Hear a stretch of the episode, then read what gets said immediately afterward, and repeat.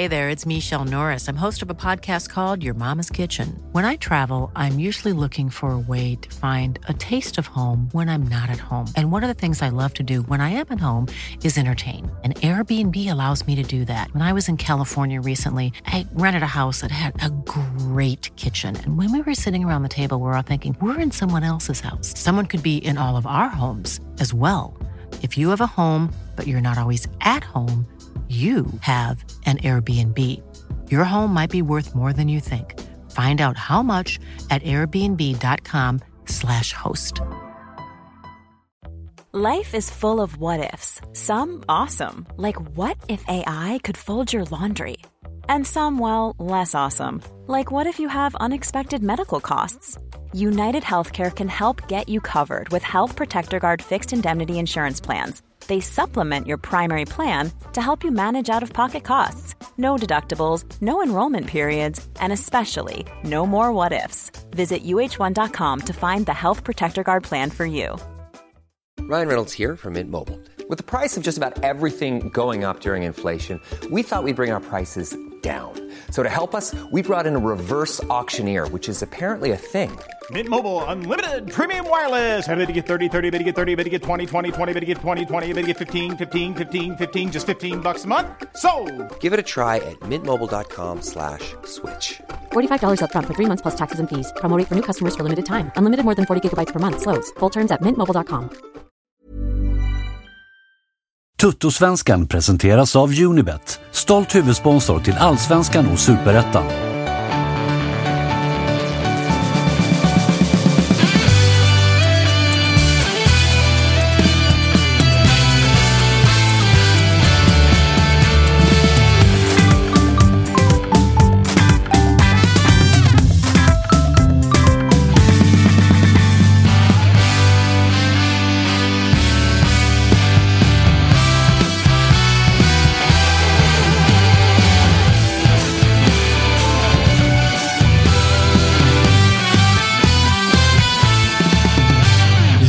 Hörni, då var det fredag. Det är dags för Toto-svenskan igen och eh, vi befinner oss fortsatt i mittens rike av tabellen, säger jag och ler och tittar på Josip Ladan. För i det här avsnittet ska vi prata om ett av mittenlagen som är Malmö FF, som mm. Josip har eh, nära hjärtat. Men innan vi går in på det så vill jag veta hur eh, Kalle mår. Jag mår alldeles förträffligt faktiskt. Är det så? Jag säga. Ja, men det tycker jag. Fan vad Hur mår du? Skönt att höra. Jo, jag mår eh, toppen nu. Ja. Det har varit en liten eh, du vet, småbarn, krasselperiod eh, och så vidare. Ni skyller ju på att det är rivstart och sådär, men det, Ja, ja. det, det är det kanske också. Men, låt oss bara klocka in på minus 10 pannor. Ja, Fick han det sagt? Stort, stort grattis för det. Men det känns också som dina unga har varit sjuka nu sen du började med riv, glidstart och rivstart ändå, va? Barn, alltså, barn är ju sjuka hela Ja, det tiden. får man säga. Det, det kvittar ju liksom vad jag pysslar med. Sjuka Ja, ja, ja. är de. Ja, eh, Josip Ladan, hur mår du? Bra. Alldeles, alldeles utmärkt här också. Trots eh, den inledande gliringen där. Men det, det får jag leva med. det, är som, det är som jag alltid brukar säga. Ni vinner i, i mars, april och vi vinner i november. Så att det är jättelugnt för mig. Eh, AIK brukar ju sällan dock vara vinnare den här tiden Ja, på året. Vi brukar vara sämst Ja, den ja, här tiden på ni- året. Sen växlar vi igång och så är vi jättenära att vinna på slutet. och så säger vi nästa år, då, Då jävlar jävlar. ska vi vinna. Exakt. Eh, så brukar det vara. Du, det ryktas om att du för ett par dagar sedan hade en trevlig kväll med Tapper ute på stan. Eh, kan bekräfta. Bra. Mm. Härligt. Inga vidare kommentarer. Ah, Okej, Toto-svenskan connecting people och så vidare. eh, August är här också. Hur mår du? Eh, nej, men jag, mår, jag mår också bra, eh, får jag säga. Jag eh, mm, ja, var inte med Josip på tapper, men eh, halvtuff helg som, som sig bör. Men eh, nu är det väl... Nu har jag återhämtat mig, så jag, mår, jag mår kanon. Och när det här avsnittet går ut, vilket är eh, fredag, då, så hoppas jag att du verkligen mår... Alltså det är ändå ett par dagar sedan. Ja, det har varit då- helg och sådär. exakt, så att, eh, exakt. För lyssnarna. Tre Ingen- dagar brukar räcka. Det- Sex det- dagar, då, då är det något man... Då är det, kolla, Du man kolla upp sitt... har, eh, du har ju i min sjukfrånvaro fått ratta programmet lite. Hur har det Mm. varit? Ja, men jätteroligt. Eh, Lite speciellt i början. Så där, då, då saknade jag den här sidan där man bara kan sitta och, sitta och jiddra och liksom inte behöva vara Inte ta något ansvar för Nej, någonting. inget ansvar. Du behöver inte liksom få samtalen att flyta. eller någonting. Men, eh, nej, men det, har varit, det har varit kul. Jag har eh, fått lite gliringar, fått lite hyllningar, som, som sig bör. Ris och ros. Som, eh, det uppskattas ju. Det gillar vi här i Totosvenskan. Tycker att du har skött eh, med bravur. Mm, tack. Eh, hörni, Kalmar och Malmö, två stycken eh, lag som kör FF på slutet, är det vi ska prata om idag. Kalmar ligger sexa med 16 inspelade poäng. Malmö ligger femma med 18 inspelade poäng, men också då med en match mer spelad. Josip, vad, Mm. vad, vad, eh, kort då, ifall, vi, vi, vi börjar väl i liksom rätt ordning. Kalmar FF. Vart har vi Ja. Kalmar FF? Ja, det är ju en väldigt bra fråga. Det är nästan som att man ska svara, vad har vi alla andra runt omkring dem? Eh, Men eh, Kalmar fortsätter ju på, på den inslagna vägen med eh, sitt väldigt tydliga spel och sina prestationer från spelare som man kanske inte hade väl jätteförhoppningar på med tanke på den stora rokaden som har skett under vintern. Man tappar väldigt många bärande spelare. Man får in en del spännande spelare också, men som jag tycker har jag ska inte säga överträffat förväntningarna, men lyckats prestera väldigt, väldigt bra på ganska kort infasningstid. Jag tänker på Nahom Netabay till exempel och ett par andra som Axel Lindahl. Ja, från- vi hade ju med Axel Lindahl för ett Ja. par avsnitt eh, sen. Det, det är nog ganska många avsnitt sen, men Mm. han var ju verkligen så här inledningen av säsongen upp som en sol. Sen kom det någon skada och sjukdom eller vad det var och har ju därefter haft lite svårt att ta tillbaka den tröjan. Ja, nej, men exakt. Man har inte riktigt... Ja, men sjukdom vill jag minnas att det var på Lindahl, för han är ju en Just. spelare som Eh, ja, men var en av Kalmars bästa spelare inledningsvis tyckte jag och någonting som de kanske också hade saknat i, från förra året. En liksom, sån modern wingback som, som kan göra poäng, gjorde någon ass- assist tidigt vet jag och sådär. Eh, så att, eh, men jag vet inte riktigt status på honom nu. Han, inte, han spelade inte slut, fick göra inhopp där sista matchen innan uppehållet mot Mjällby tror jag. och sådär. Eh, så att lite frågetecken, men han är väl ändå annars ett av de nyförvärven, kanske det nyförvärvet som har varit bäst. Ja, tillsammans med Netabay då kanske. Eh, Och den man hade störst förväntningar på, det var väl Simon Skrabb som ändå vänder hem ifrån en tid i Mm. Italien. Var ju ett halvår, tror jag, i Serie A med Brescia. Fick ingen speltid där och sen i Serie B hade det tungt även där. Men tidigare bra i Norrköping. Han har ju inte alls kommit upp i det man trodde att han skulle vara. Nej, och det märks ju att han inte har spelat. Alltså det tar, alltså oavsett om det är som kvalitetsskillnad mellan serierna som vi ändå pratar om, alltså i Italien och komma till Sverige och hela den grejen. Har du inte spelat så spelar det liksom ingen roll var du hamnar eller i vilken, vilken kontext. Om det så är att du ska dominera från att du kommer hem eller i alla fall vara en startspelare eller att liksom långsamt fasas in. Så jag är inte, jag är inte jätteöverraskad. Kanske lite, lite besviken med tanke på att man vet vilka höjder som finns där. Men i de här skedena, alltså det är tio omgångar som har kommit. Han kom in rätt sent också. Så att det, det finns helt klart mer att hämta och kommer vara ett väldigt bra alternativ. Eller kanske till och med ett första val, givet vad som händer här i sommar i, i Kalmar. För att det kan nog hända en del. Det lär det göra, för det ryktas ju när vi spelar in det här om att det är ja, men pappa Diouf som ska in och det ryktas om eh, någon finsk un, ung talang som ska in. Och Dessutom har man ju redan då tappat eh, Douglas Bergqvist. Det har vi pratat om tidigare i Totosvenskan, att han gör... Men han verkar gilla öst. Eh, gör märkliga flyttar mest eh, hela tiden. Och han ju knappt... Alltså match, sista omgången, var det Mjällby va? 1-1. Han ju knappt blåsa av innan han satt på... Nej. Det är väl båten man tar dit han drog. Ja, något Ja. Känslan är att han tar Och det är båten. tungt, ja, det är ett tungt tapp. Douglas Bergqvist. Ja, det han har varit bra för dem. Ja, men verkligen. Och det är ju märkligt det där om man kollar spelare för spelare i den där backlinjen så tycker inte jag att det borde vara en backlinje som ja, men dels är bra nog för att vara med i toppen, men kanske framför allt bra nog för att spela Henrik Rydströms fotboll. Alltså, Lars Sätra Lars tänkte man ju inte Sätra, när man, när man såg honom i Bayern så tänkte man ju att det här är en spelare som kanske kan gå in i liksom ett Sundsvall och brunka och rensa och göra det bara för att han har liksom kroppshyddan för det. Men, men att liksom, eh, Lars Sätra och Douglas Bergqvist skulle liksom vara två av allsvenskans mest spelande mittbackar, det, det hade man ju svårt att se. Men Henrik Rydström har ju, han bevisar ju att han kan ju få vem som helst att liksom gå in och göra det bra i hans typ av fotboll, bara han får ha lite tid.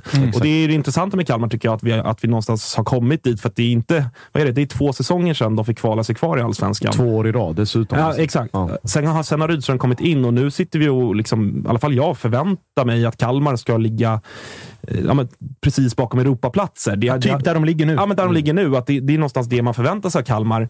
Trots ett spelarmaterial, hade det inte varit, varit Kalmar FF och Rydström stått på sidan, eh, då hade man ju känt att det där laget eh, kanske inte åker ur, men kan ju komma tia och det är ingen katastrof. Så det är ju eh, det är, det är bara hatten av för Rydström. Det är ju en eh, otroligt skicklig fotbollstränare.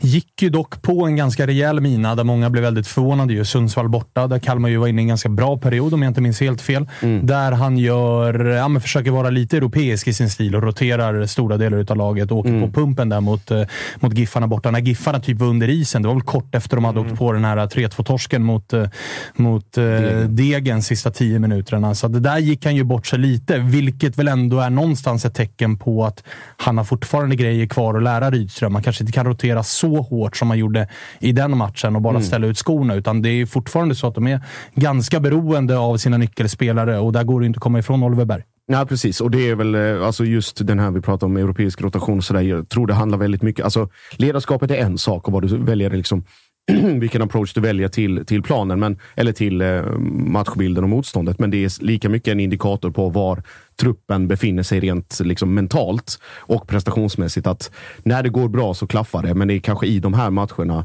som de liksom Kalmar måste få in den här vanan och det är inte det lättaste med tanke på historiken de senaste två åren. Att få in den här vanan att städa av, att vara cyniska, att knyta ihop säcken, att liksom även med Okej, nu kanske det var, säg att man roterar ut fyra spelare. Det kanske räcker med, det ska räcka med två. Men att man, alltså att man skapar sig den här vanan över längre sikt. Att även i de här matcherna kunna göra tillräckliga prestationer för att vinna. Och det är som, om vi tar något exempel, alltså de här andra alltså standardtopplagen som vi pratar om. Där kan det ju se hur jävla illa ut som helst, men ändå sluta med en trepoängare. Och dit vill ju Kalmar. Det finns ju en uttalad ambition om att liksom vara det laget och med Rydström och med det spelsättet att kunna vinna även på en dålig dag. Mm. Och den, det, var, det steget har de ju fortfarande svårt att ta. Det ja. finns mycket mer att hämta och det är framförallt då, alltså, med, med, truppen som det ser ut nu. Ja, det skulle man kunna få fram på längre sikt, men en sån som Oliver Berg som vi pratar om, alltså skulle han försvinna eller att nu pratas det om Isak Jansson och att han har klausuler som kan göra att han försvinner gratis i sommar.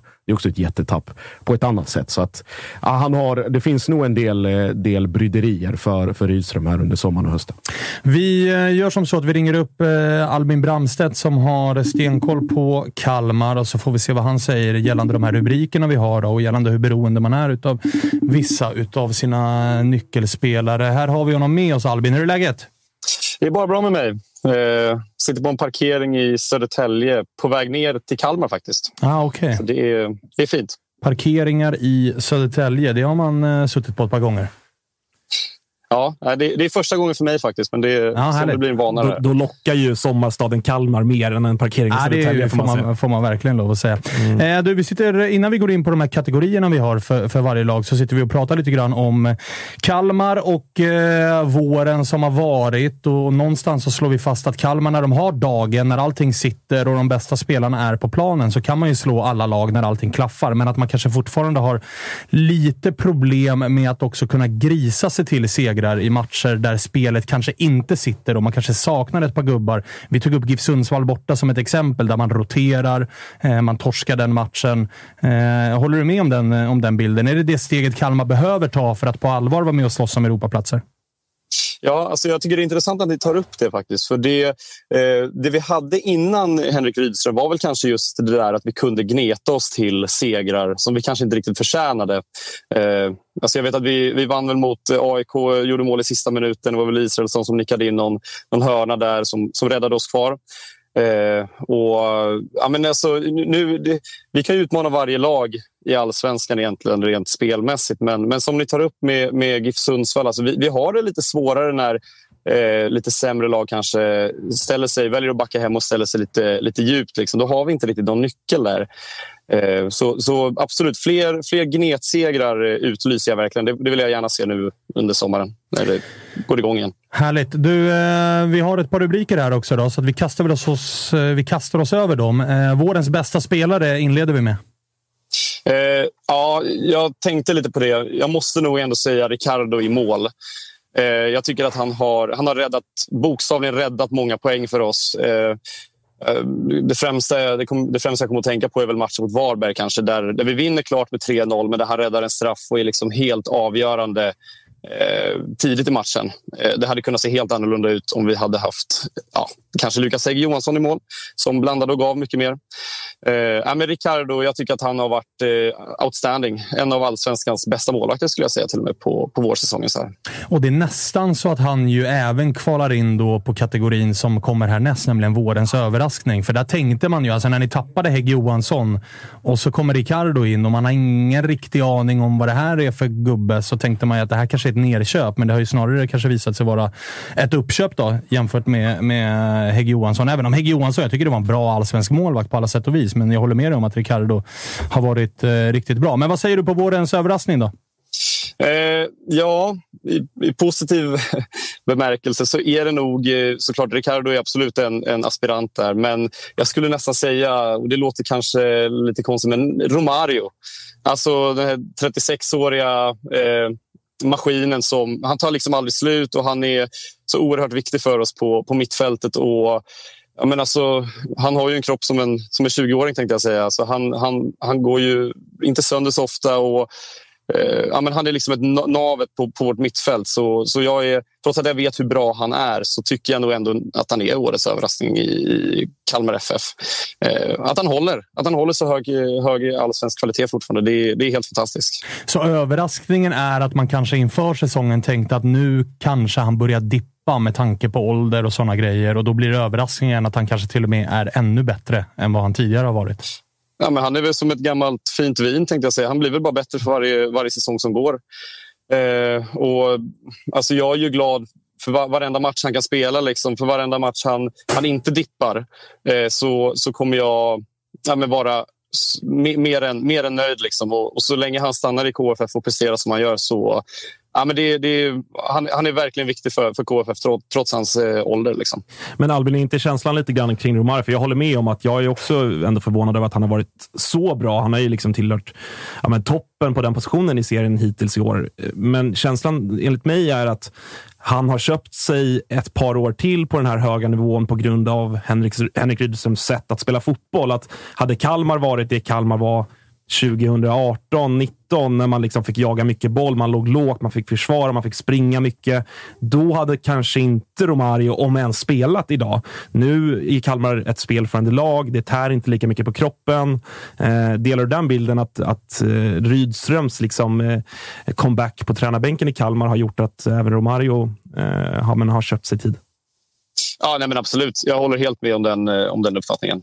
Eh, alltså, precis som du säger, så det, det spelet vi, vi hade under, eh, under både Nanne och, och, MP innan, det, det, var nog väldigt, det var nog rätt slitsamt eh, för spelarna och speciellt en, en sån var ju Romario några år yngre också, men, men såklart så hade väl han tagit mer stryk idag också. Nu, vi är spelförande som du säger och vi, eh, Romario är som jag nämnde innan, han är liksom navet i det där mittfältet och eh, jag tror rollen passar honom perfekt liksom, på den där eh, på mittfältet. Då, han har ganska, ganska fri rörlig roll.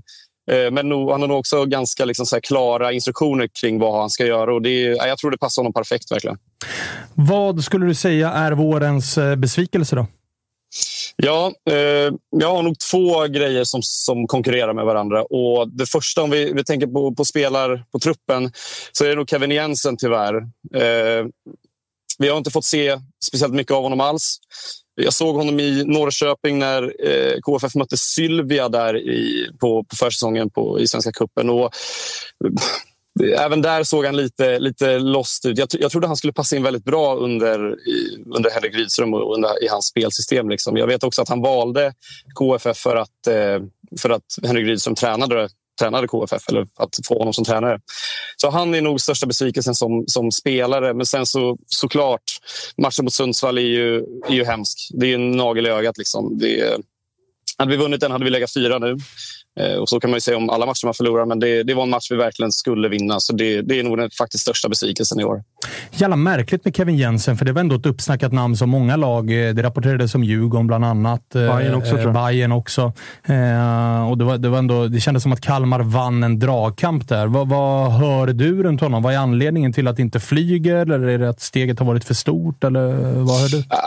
Alltså, jag vet inte. Det, det, är väl, det finns väl flera olika aspekter kanske i det. Eh, tänker absolut stort steg att gå från eh, superettan som eh, en ganska uppskriven eh, talang. Liksom. Är, han, han, hade ganska mycket press på sig tycker jag ändå. Jag förväntade mig ganska mycket av honom. Eh, men sen har han haft lite så små skavanker och sådär. Han drog väl någon baksida om jag inte missminner mig helt eh, tidigt om det var på försäsongen. Eh, så du vet, lite, ja, men lite grus i, i maskineriet och sådär. Eh, det kan, eh, han är väl inte så gammal om han är 01 kanske. Mm det, det, det, är liksom, det är sånt som kan, som kan... Det kanske sätter sig lite i, i huvudet också på honom. Men, men jag, jag, jag, liksom, jag har ingen stress med honom. Jag låter honom spela den här säsongen och göra det så gott du kan. Och jag tror han kommer komma in i systemet och, och serien eh, allt bättre.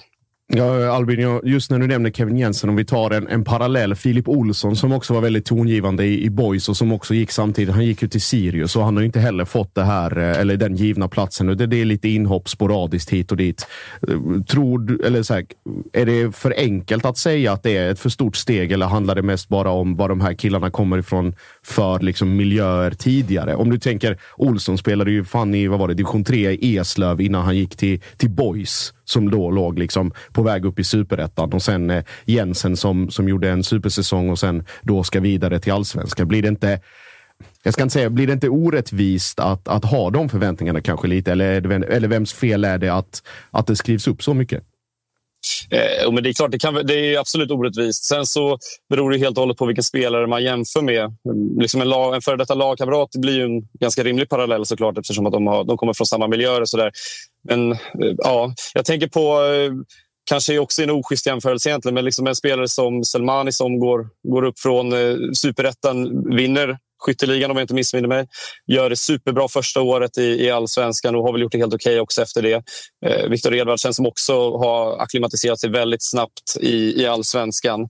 Eh, det är klart det är två äldre och mer rutinerade spelare som har båda två gått en väldigt lång väg. Eh, men det är också just därför jag känner att jag är, jag är mer än redo att låta det här ta sin tid.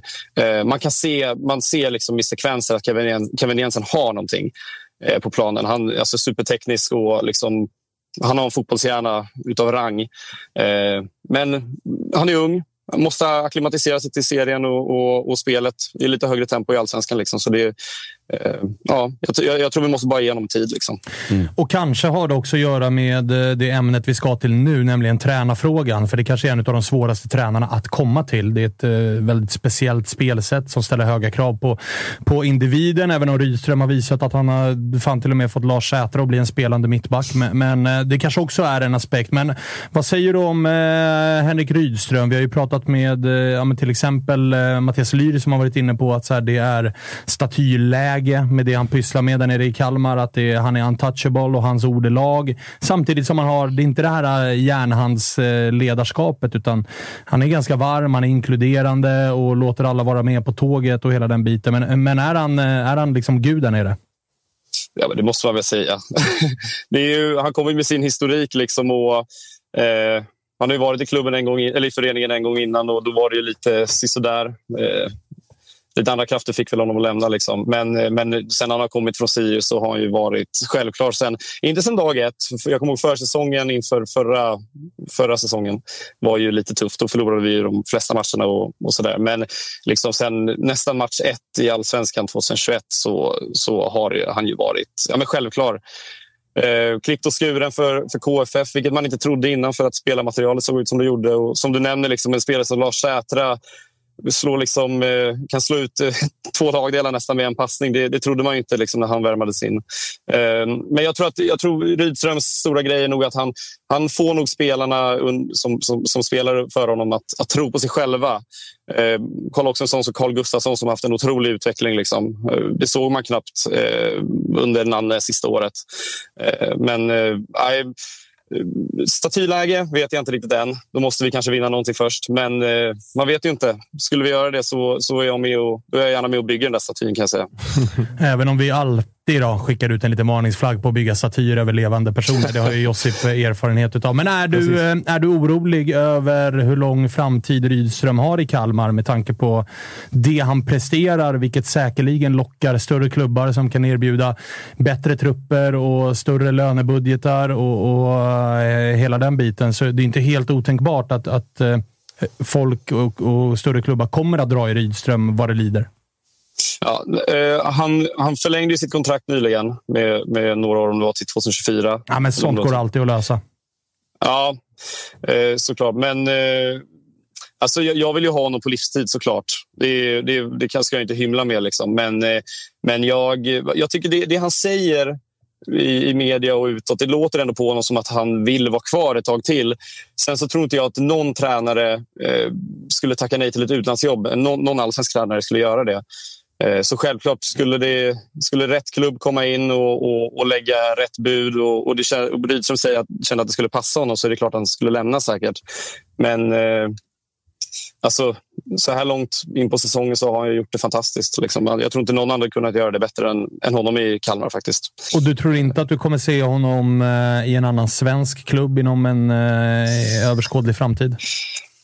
Ja, jag vet inte. Det, jag, jag, vågar inte säga i det riktigt heller. Jag tänker återigen på, på historien han har i, i KFF liksom som den evige kaptenen på något sätt.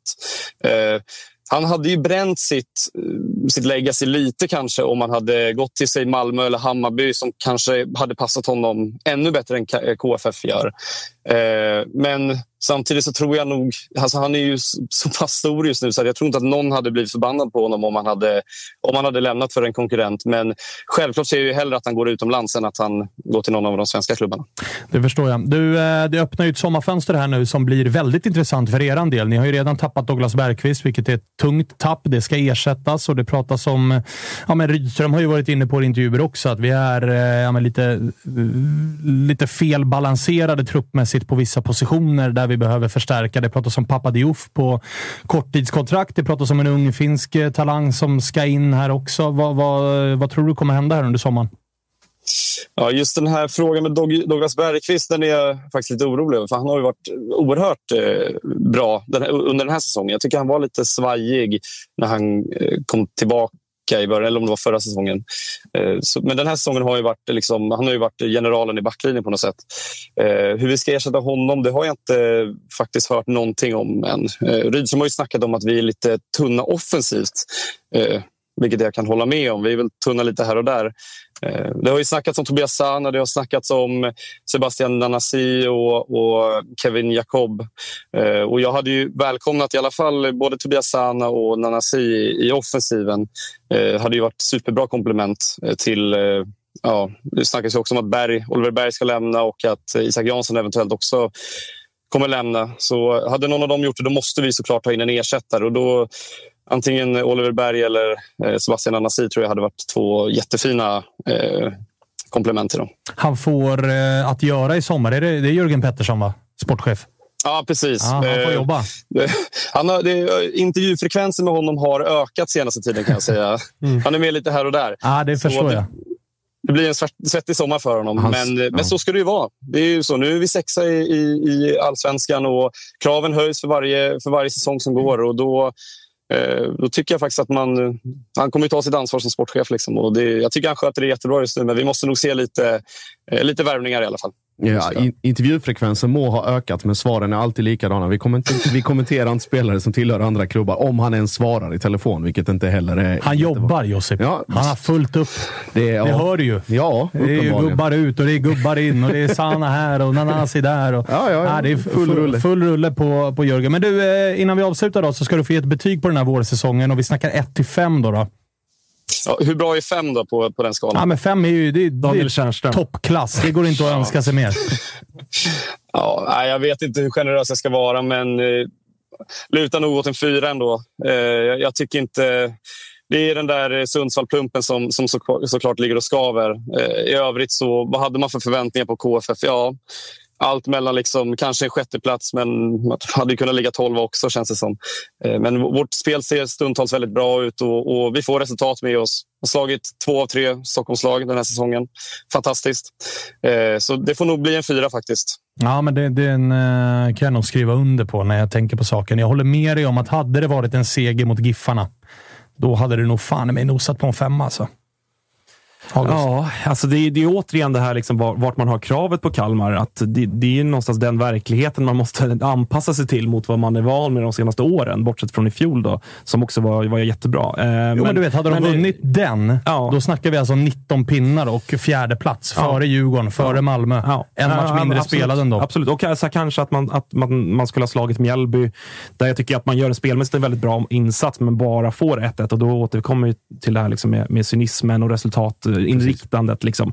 Eh, så att någon poäng till, hade det, då, hade det varit att, att, att, varit fem plus. Samtidigt som man har en match upp på, på Malmö och Djurgården. Eh, vinner man den, då går man om dem i tabellen. Och jag menar, då är Kalmar fyra. Kalmar FF fyra i allsvenskan, en tredjedel är spelad också ah. upp och nosa på 5 plus. Ah, ja, alltså, får man ändå säga. Verkligen, att, eh, men jag köper, jag köper ändå fyran också. Härligt Albin! Du, eh, du ska få kuska vidare på världens tråkigaste väg att köra bil, nämligen den mellan Stockholm och Kalmar, där det är 2-1-vägar. Ja, men precis hela jävla tiden. Så att, eh, kör försiktigt tack. och tack för att tack vi fick mycket. prata med dig. Ciao! Ha det bra! Ha det bra. Hej!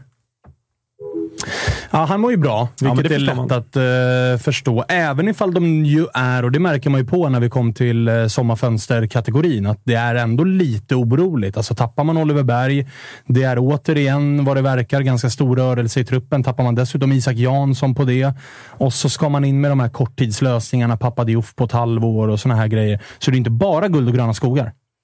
Nej, och det har ju lite att göra med historiken av det här. Liksom, alltså, vad man har hur det har sett ut fram till Rydström kom. Det var många värvningar, det var många satsningar och egentligen ingen som föll väl ut. Det var väl, jag vet inte om någon trodde att Oliver Berg skulle bli den profilen eller den spelaren som han har blivit från att han kom från, alltså från Sundsvall till Kalmar. Och då är, ju, då är det ju det omvända istället. Om man tittar på alla som har varit inne och ut ur KFF och försvunnit och konstiga pengar som har liksom lagts på spelare som har, inte har presterat överhuvudtaget. Så det, finns, det är väl en positiv huvudverk för Jörgen Pettersson nu liksom, i, i förhållande till vad som har hänt tidigare. Men de namnen som man pratar om, alltså det är ett definitivt steg upp än jämfört med hur det har sett ut liksom, tidigare med om man pratar Jakob man pratar Sana, ja, alltså det är, det är, alltså Man har ju brottats lite med sin självbild och identitet ja, under de här senaste exakt. åren. Mm. Men när, som man är inne på, man hajar ju till när Kalmar FF är så här, ja, men vi ska plocka Nanasi från Malmö, vi ska plocka Tobias Sana som nyss var i, i Blåvitt, vi ska mm. plocka Kevin Jacobi som är en spelare som Blåvitt tror på. Att det ändå den, nu kommer inte alla de här tre bli av, men säg att man sätter en. Det är ändå liksom ett steg de tar på liksom den hierarkiska skalan. Mm. Att så här, vi har inga problem med upp. Vi behöver inte plocka bara från GIF Sundsvall när de har åkt ur, utan vi kan plocka en spelare som är på gränsen till start eller vad ni Blåvitt. Absolut, och det, det är väl bara och det är som sagt det är kvalitetsbetyg till både den sportsliga ledningen, men även liksom det spel och den Alltså den sits som Kalmar befinner sig i just nu. Att man kan få den, den typen av spel. Att, att man liksom i den konkurrensen eller hierarkin kan i alla fall nämnas i de sammanhangen med de här namnen. Det är, det är, det är klass, om man bara tittar på tidigare. Vi gör väl som så att vi tar och ringer upp geniet bakom eh, hela det här lagbygget då, och det är ju ingen mindre än Henrik Rydström. Det är en intervju som August eh, sköter, så att, eh, här får ni den serverad. Eh, men vi försöker summera Kalmars vår lite grann här. Eh, om du själv får genomföra liksom kort helhetskänsla. Det har varit lite upp och ner i känslan. Eh, många matcher bra, många lite svagare prestationer kanske. Var ni trots allt liksom med i toppen, tio matcher spelade. Det måste ändå vara en liksom godkänd vår för er del, eller vad känner du?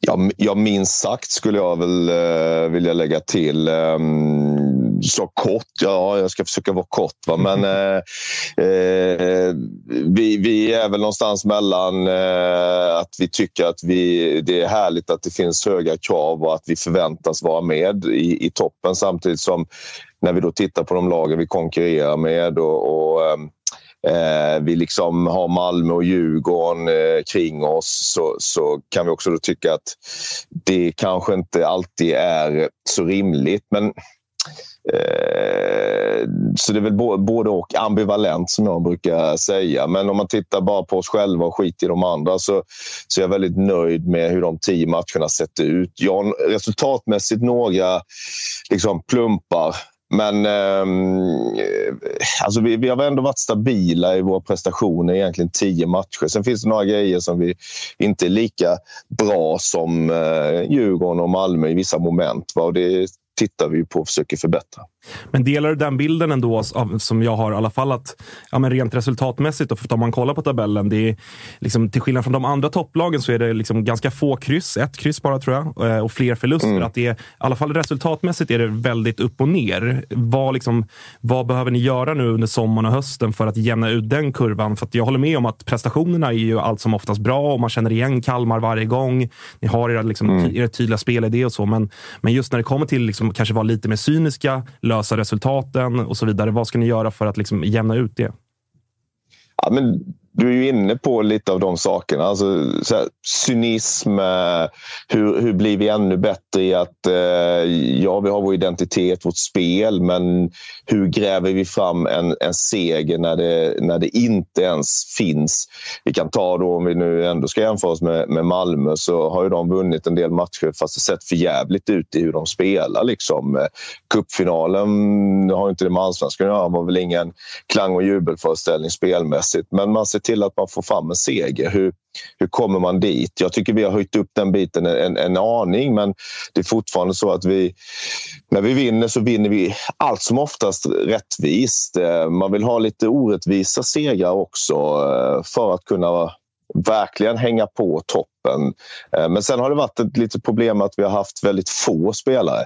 Ehm, det har gjort att eh, ja, men mot Häcken så, så hade vi inga alternativ egentligen till att förändra matchbilden. Ehm, och det har varit lite för få offensiva alternativ ehm, på grund av eh, numerär och, och sen eh, har vi haft otur med lite sjukdomar vid något tillfälle också. Va? Då, då har vi inte alls haft djupet i, i truppen det kan vi inte ha som de lagen som vi då konkurrerar med. Men även för våra mått mätt så har det varit lite, lite skral numerär.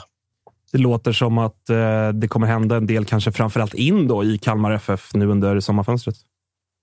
Ja, men vi, eh, vi, vi måste få upp numerären och, och jag var tydlig att det handlar inte om, om spets, för det tycker jag vi har. Utan det, det är att hitta en, en bredd på... Ja, du behöver tre kommer det något, något österrikiskt insekt här i mitt eh, huvud. Eh, tre, fyra spelare som, som gör att vi får ett annat djup i, i truppen kroppen eh, för att också kunna hålla uppe träningsnivån och intensiteten. Va? Så det jobbar vi febrilt med. Det har ju hänt en del både in och ut och framförallt om man jämför med förra året där många nyckelspelare har, har försvunnit och sen har en del spännande namn kommit in. Jag tänker framförallt på, på Kevin Jensen kanske som, som väntar på det här sista eh, genombrottet, men även Nahom Netabay som har fått, fått en väldigt bra utväxling. Eh, hur tycker du att de spelarna som har kommit in, eh, att de har tagit sig an din spelidé, men även vad du, vad du kan förvänta förvänta dig mer av dem? Ja, men eh, vi tappade ju eh, väldigt tongivande spelare. Eh, och Det är kanske att förvänta sig när, när vi gör en bra säsong. Men eh, vi är nöjda med, med... Eh, dels tycker vi att vi har träffat rätt personlighetsmässigt med de som har kommit in. Och, och dels så eh, tycker vi att vi faktiskt fått eh, nästan... Eh, alltså jag vill inte jämföra, för det var jäkligt bra spelare vi hade förra året som lämnade. Men eh, vi har fått lite andra andra verktyg. Eh, Axel Lindahl på, på vår högersida har adderat en offensiv som vi kanske inte riktigt hade alltid. Vi, du nämner Nahom som, som jag tycker är en underbar spelare som, som har gjort att eh, han avlastar Oliver, han avlastar eh, Romario och Kalle G centralt. Liksom. Sen har vi Kevin som åkte på en, en knäskada och, och har börjat träna nu. Och sen så har vi Simon Skrabb som som inte spelade så mycket fotboll förra året som vi är väldigt försiktiga med. Vi hoppas att, att han, vi, vi kommer få igång han ännu mer här efter uppehållet och då får vi fler alternativ offensivt. Mm. Eh, följdfråga på det blir ju då, du nämner ju framförallt Kalle Gustafsson här, Romario och Oliver Berg. Alltså det centrala navet som har funnits och som har varit väldigt nyttigt för er, både offensivt och defensivt. Det går ju eviga, eviga rykten här om, om Kalle och att han också ska bli en av de här eh, talangerna som försvinner ner till Holland och många ögon på sig och sådär. Men även med Oliver, att det har varit prat om, vad var det, Ungern? Eller vad man läste. Ja, exakt. Man mm. läste om, om det. Har ni, känner du att, att det liksom finns, ja du svarade på den innan, men den täckningen om de skulle försvinna, framförallt samtidigt. Det blir ju, det blir ju en, en press på Romario, men även, även på, på de andra att höja sig. Finns det liksom något utrymme rent ekonomiskt också att kanske värva den spetsen som du som du kanske säger att ni med dem i laget inte, inte behöver? Alltså, jag tror vi, vi, vi som så många andra klubbar brottas ju med att eh, hur, hur kan man liksom ha täckning för eh, sina tongivande spelare om de försvinner. Vi, vi har inte riktigt möjlighet till att ha det i befintlig trupp men det är klart att vi har reservplaner för vad händer om den här spelaren lämnar och försvinner. Fördelen med de namnen som du är inne på, Oliver och Kalle, är ju att de har kontrakt och kommer inte i så fall lämna gratis och inte om vi inte går med på, på det som då Ehm, erbjuds oss och då får vi ett ekonomiskt utrymme till att, till att eh, liksom förstärka. Men som tränare vill man ju inte det liksom för att de du nämner är ju otroligt viktiga för vår helhet i, i utvecklandet av hur vi spelar som då är annorlunda i år kontra hur det var förra året. Eh, sen så är jag också, alltså en del av mig, jag, jag kommer alltid också vilja att spelarna får, få ta sina kliv och, och eh, jag är medveten om att vi inte är det sista steget för, för Kalle. Liksom. Men sen hoppas jag att de eh, värdesätter att få vara med på resan vi gör och att vi liksom får möjlighet att bli ännu bättre lag och just utmana på, på allvar och att de då värdesätter det lite längre innan de lämnar. Och just nu ser det ut som det. Va? Ehm, men sen finns det andra krafter som drar i dem som, som vi inte alltid kan eh, göra så mycket åt. Va? Men, men eh, jag vet inte, fast jag, jag, det blev väl någon, någon, filosofisk utläggning där. Va? Men eh, vi, vi, har inte... Det är klart att kommer de spelarna lämna så är det, käm, det skulle vara kännbart för alla svenska lag att mm. gå. Va? Men går de så blir vi inte lottlösa. Ja, precis.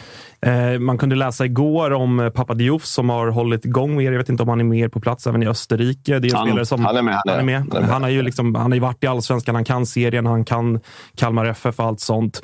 För den positionen är ju någonting jag varit inne på här i dagens avsnitt. att eh, jag, jag ser att ni kanske behöver en tydligare nia. Dels för att liksom få till den här slutprodukten. Någon som kanske är uppe på nosar på 10-12 mål, även om Berg gjorde det förra året. Men också för att frigöra Berg ännu mer så att han får droppa som han vill. Han får ha den här fria rollen som ju jag tror att både du och han själv vill. Eh, vad kan du säga om Papa Diouf eller liksom mm. den positionen? Eh, vad är status där? Nej, men precis. Man, jag har ju hela tiden eh, sagt att jag egentligen vill ha elva mittfält, centrala mittfältare. Och det var inte för att jag själv var central mittfältare. Men man vill ha liksom elva Xavi-spelare som bara flyter runt och byter positioner och, och spelar kortpassningar. Och sen till slut så knackar man in bollen från fyra meter i öppet mål. Liksom. Men eh, jag får väl vänta lite till på, den, eh, på, på liksom att slutföra den visionen. Så, eh, Eh, och sen har man ju liksom, som tränare gömt sig lite bakom att ja, men Pep spelar ju aldrig med nia. Så nu har han ju värvat Haaland här. Va? Så att, eh, vi får väl se vad vi kan hitta för svensk eh, nia i, med svenska mått mätt. Och, och Papadioff är ju en, en spelare och, och framförallt en person som vi tycker väldigt mycket om. Va? Och du är inne på att han kan allsvenskan. Och, och eh, det, är en, det är en seniorspelare. Vi, vi är väldigt måna om att, ha, ha, att ge utrymme till våra unga spelare. Men men samtidigt så behöver vi också få en stadga och, och eh, vi får se här vad, vad det landar. Papadiouf är som sagt med här nere och vi, vi eh, tycker om det vi ser. Va? Så det kan vara en av de spelarna som, som kan ge oss en litet, ett litet djup i, i truppen. han har egenskaper som ingen annan riktigt har i vår grupp. Liksom han är, kan vara fysisk, han kan nicka in en boll. Va? Det, vi har inte så många som, mm. som kan det. Men slutligen bara, du ska få springa iväg och, och hålla i din träning här. Men hur känner du kring, för jag, jag menar ju ändå att eh, om vi kollar i tabellen, vinner ni eran hängmatch så att säga på, på Djurgården och Malmö, då går ni om dem. Då är ni fyra. Ni är med i en mm. topp. Eh, liksom eran höjd, den är ju liksom odiskutabel. Den har alla sett i perioder. Hur mycket känner du som tränare? Det är klart att man vill ju alltid ha så bra spelare som möjligt. Men du pratar om det här, ni är någonstans i hierarkin, att ni är inte 08-klubbarna och Malmö rent liksom ekonomiskt och sånt. Men hur mycket känner du gentemot gentemot en sportchef och mot en styrelse och mot en klubb att så här, låt, oss, låt oss testa hur långt det här kan nå. Förstår du vart jag vill komma med att liksom, det finns väl möjligheter för Kalmar att vara med och slåss om en Europaplats i år, eller? Mm, ja, men, jag, eh, ja, men det är väl också sådär, man, man står väl och vacklar mellan det. Jag, jag är väl ett jag är levande motsägelse. Jag, jag är 100 övertygad om eh, mig själv som tränare och de jag har runt omkring mig och sättet vi spelar på. Men jag är också 100 tvivel.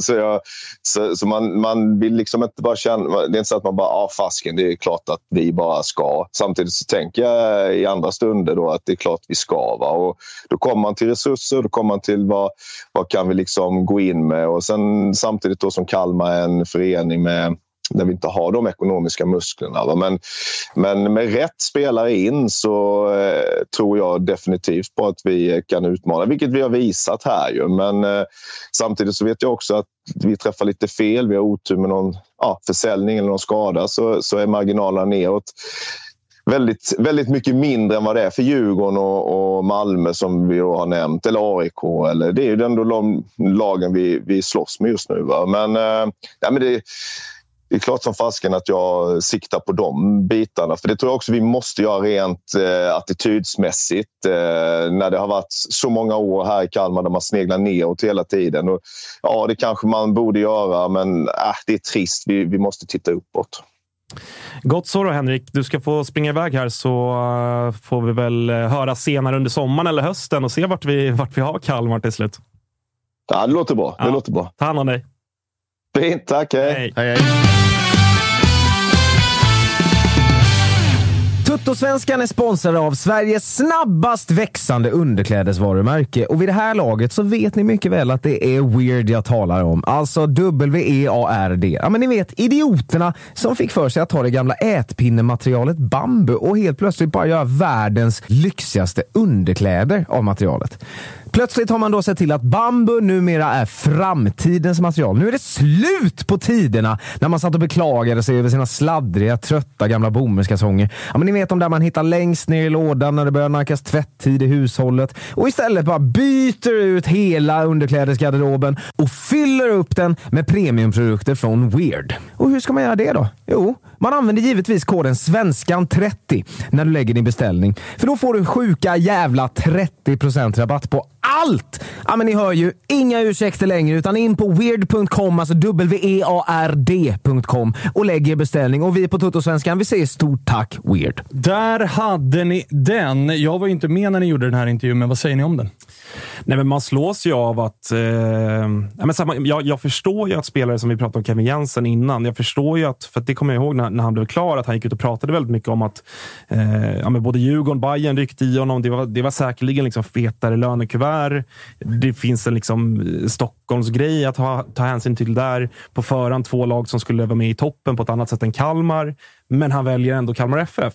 Det är kanske är en kombination med att Kevin Jensen också känner att det är ett lagom mellansteg för honom, men han var ju också tydlig med att det beror på Henrik Rydström. Och det slås man ju av när, ja, när vi pratade med honom här, Josip, att han, man förstår ju att spelarna trivs i liksom, att vara i hans lag. Både hur han är som person, men liksom kanske framför allt hans sätt att spela fotboll. Mm. Jag tror inte att man ska underskatta det. Det är lätt att liksom... Det finns ju alltid de här så kallade poplagen som alla andra vill se falla och man är trött på de här trendiga. Bode Glimt var ett sånt lag som folk gottade sig lite i för att man blev trött på dem. Verkligen. Det finns ju många som är trötta på... Östersund. På, på, Östersund var ett sånt lag. Där fanns det väl visserligen vissa andra parametrar som gjorde att man kräktes lite på dem. Men det är ju många liksom, andra lagsupportrar som är trötta på Kalmar FF och Henrik Rydström. Vilket det kan jag väl förstå på sätt och vis. Jag har också raljerat lite kring Kalmar inför säsongen. Jag tror det var när de rök mot Djurgården i kuppen och, och fick lite mothugg från Kalmar supportrar och sådär. Eh, men, men, det är ju bara liksom... Eh, det, det, är så otroligt imponerande och jag, jag, tycker att han har bevisat att nu gjorde de det bra i fjol och de, de kommer ju vara bra i år också när vi summerar den här säsongen. Och då att prestera så bra som man då får förmoda att, att Kalmar kommer göra även i år då, två år i rad med det spelarmaterialet. Det är ju liksom han är ju real deal och det är ju en, det är en tränare jag tror att så här, nu, nu går händelserna i förväg, men vi, vi har en Jan Andersson som börjar bli lite ifrågasatt. Ja, ja, det är väl bara landa i att Henrik Rydström kommer ju vara en topptränare i Sverige. Kanske till och med på landslagsnivå. Jag, jag kan inte se det på något annat sätt. Jag håller med, även om jag har svårt att se att han skulle ta ett landslag med tanke på att han känns verkligen som att han vill vara på plan varje dag. Absolut. Drilla, drilla, det, drilla. Få in sin spelidé och hela Men den att han grejen. får frågan menar jag. Absolut. Där uppe eh, tror jag att han är redan nu. Mm. Och för det, det största beviset som jag tycker bekräftar att han är the real deal, det är just det han gör år två här. Att han får mer eller mindre byta ut halva startelvan och man tuffar ändå på. Och det är inte så att Kalmar FF väljer från den översta hyllan när de får välja värvningsfilosofi och spelare. Det är inte bara peka, så som andra klubben vi ska prata om i det här avsnittet kan göra, utan de får rätta sig lite grann in i ledet och locka med andra grejer. Och han får ta lite det han får och försöka trolla med knäna och löser det ändå galant. Så jag, jag håller med om att eh, Rydström är eh, ta mig fan på, på riktigt. Ja, och det går, det går inte heller att snacka bort det faktum att han ändå var ett av två eller tre namn som, som det stod mellan när Malmö skulle plocka ny tränare här i, i vintras. Så att det, det är också det ultimata beviset på att folk ser, alltså så här, sportchefer och andra kunniga liksom, insatta som jobbar med det här varje dag. Det finns någonting där och att även de ser att med, liksom, med de resurserna som man har gjort i Sirius och nu i Kalmar, att det är ett namn som kommer vara där uppe i topp, topp. Sen, så alltså det, det är som eh, Albin är inne på, ska alltså konkurrenter. Jag tror inte, jag tror han finns med på väldigt många klubbars, liksom, om, vi, om de har en lista på 15 namn så är han definitivt med de fem sista. Ja, och om vi jag- tittar i Sverige. Jag menar, ska, vi, ska vi titta på de två klubbarna som är där uppe, alltså rent historiskt sett, så är det väl två klubbar där man, om, säsong, om tabellen slutar som den gör nu, eh, det kommer den ju inte göra givetvis, men jag menar, Kim och Tolla har varit länge i Djurgården. Eh, landar de in på en femteplats den här säsongen, blir de kvar då? Kanske inte. Då tror jag absolut att Rydström är ett topp tre på Bosses lista, vilka han ringer. Detsamma tror jag gäller IFK Norrköping. Ifall Norling inte blir kvar. Där finns det också 100%. pengar. De har eh, andra muskler att värva för eh, och de har en trupp som absolut hade funkat jättebra med Henrik Rydström. Där kommer han också vara topp tre. Eh, så det, det är två potentiella... Alltså han kommer att vara i de diskussionerna. Han kommer nämnas som en potentiell ersättare. Ja, och det är väl bara att titta på, på de, alltså, konkurrenterna där bredvid. Säg AIK. Den dagen Bartosz bestämmer sig för att göra någonting annat och Henrik Rydström är tillgänglig så är det väl inte helt oövet att, att han dyker upp eh, på, som namn på, på Karlberg. I Malmö har vi ju nämnt att han redan har varit uppe på tapeten. Och, jag, alltså, och sen om, om du vill ha en Ja, annan... skulle det skita sig med Milos så kommer ju Rydström få ett samtal. Absolut, och det skulle det vara, alltså, om vi tittar på sovande jättar till exempel. Om du vill göra en restartprocess och, och någonting som, som Rydström skulle kunna göra eller vara sugen på att ta sig an så är ju IFK Göteborg en typ av utmaning som är liksom en fjäder i hatten för alltså, att ta sen ytterligare stora steg utomlands. Så att det, är, ja, det är väl väldigt många som har, som har ögonen på honom Ja, men- framledes. Ja, och jag tror också att han, min känsla, dels när vi pratar med honom nu, men också liksom när man läser intervjuer och, och bara liksom läser hans persona någonstans, så tror jag att han känns så liksom lugn och harmonisk. Han är liksom förhållandevis ung för att vara tränare. Jag tror att han, han känner nog att eh, han vill ju såklart nå så högt han kan, men jag tror inte att han känner sig stressad eller gud, nödvändigtvis kommer kasta sig ut, liksom göra en eh, Jens Gustafsson och kasta sig ut i Hajduk Split där det är liksom rörigt och politiskt och skit. Liksom.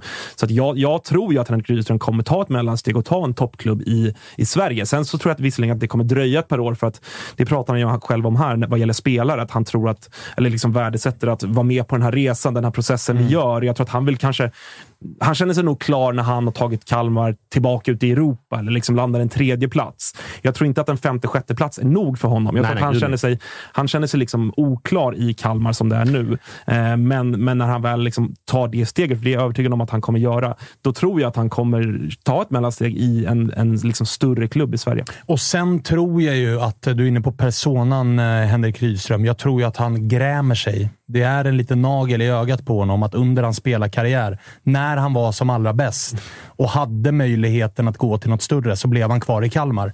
Jag tror att han känner att som tränare vill han inte sumpa den chansen igen. Så jag tror att när AIK, eller IFK Göteborg, eller vad det nu än är, Djurgården, när en sån klubb ringer och han känner att nu har jag gjort tre år i Kalmar, då tror jag att han kommer säga ja. För att det, han, han vill nog uppleva det. Och jag tror att för att få det erkännandet också så behöver han ta det steget. Han känner nog själv att han inte fick det erkännandet som spelare. Även om de vann guld så fick han inte det erkännandet som spelare för, det att det var i Kalmar. och det fanns där andra var det, namn. Där var det Elmebröderna som gjorde det och Ingelsten som gjorde målen och Rydström. Det var bara trotjänaren, sa folk. Liksom. Det är bara kaptenen. Skulle han göra det, skulle han ta Djurgården till ett SM-guld, eller AIK till ett SM-guld, eller Malmö till eh, Champions League, eller vad fan det nu kan bli där, så är det ju ett annan typ av kvitto och det blir han som blir the main guy. Mm. Och det tror jag att han eh, saknar lite från spelarkarriären. Fan, nu, börjar jag få känsla i, och vilket är jobbigt, men min känsla säger nu att han kommer vara den som tar IFK Göteborg tillbaka till toppen.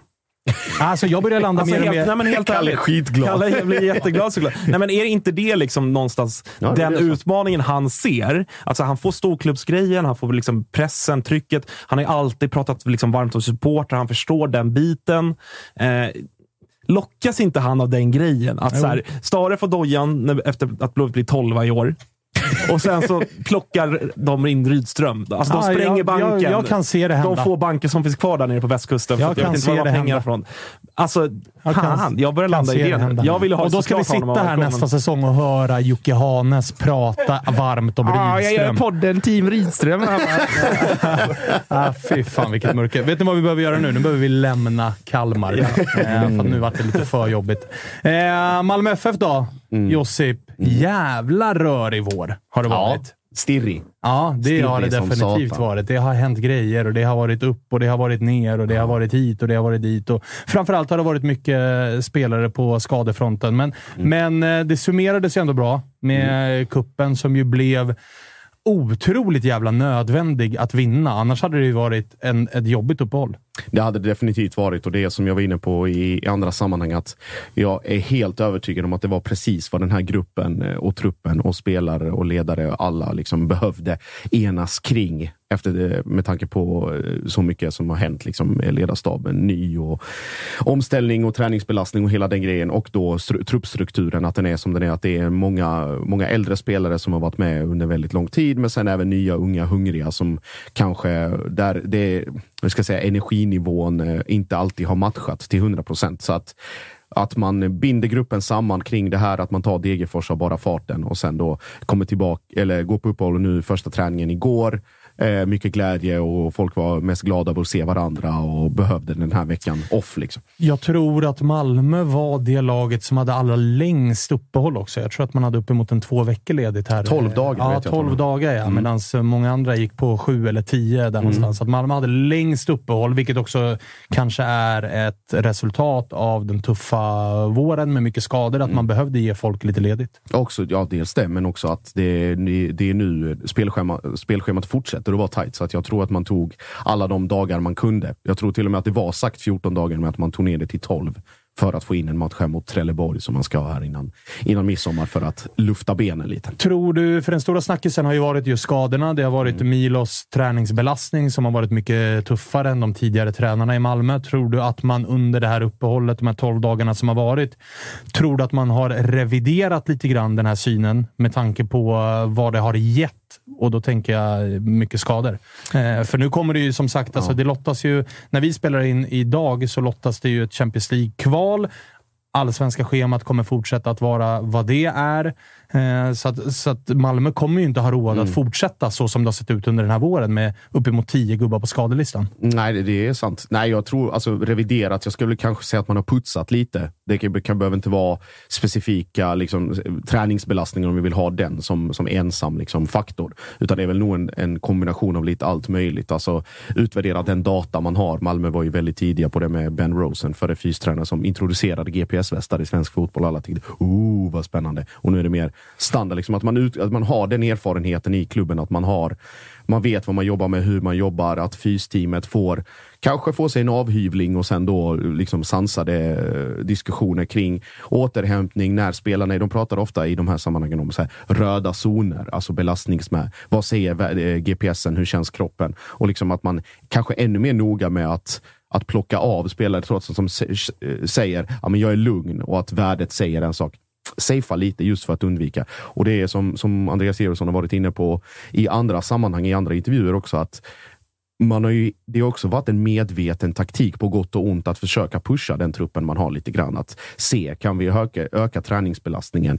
Kommer skadorna komma? Man ska ha med sig också att under försäsongen, när liksom omställningen var som störst, så hade Malmö inte en enda skada under liksom fram till AIK-matchen. Och sen efter kom allting på en gång. Mm. Och, och då, då är det väl kanske inte då är det svårt att säga att det är belastningen. Då är det väl kanske mycket andra faktorer som också spelar in. Att det finns något universalsvar, det, det tror jag inte, men att det är, man har nog vridit och, och, och fixat och trixat med massa olika parametrar här nu för att vara så förberedda som möjligt för, för vad som väntar.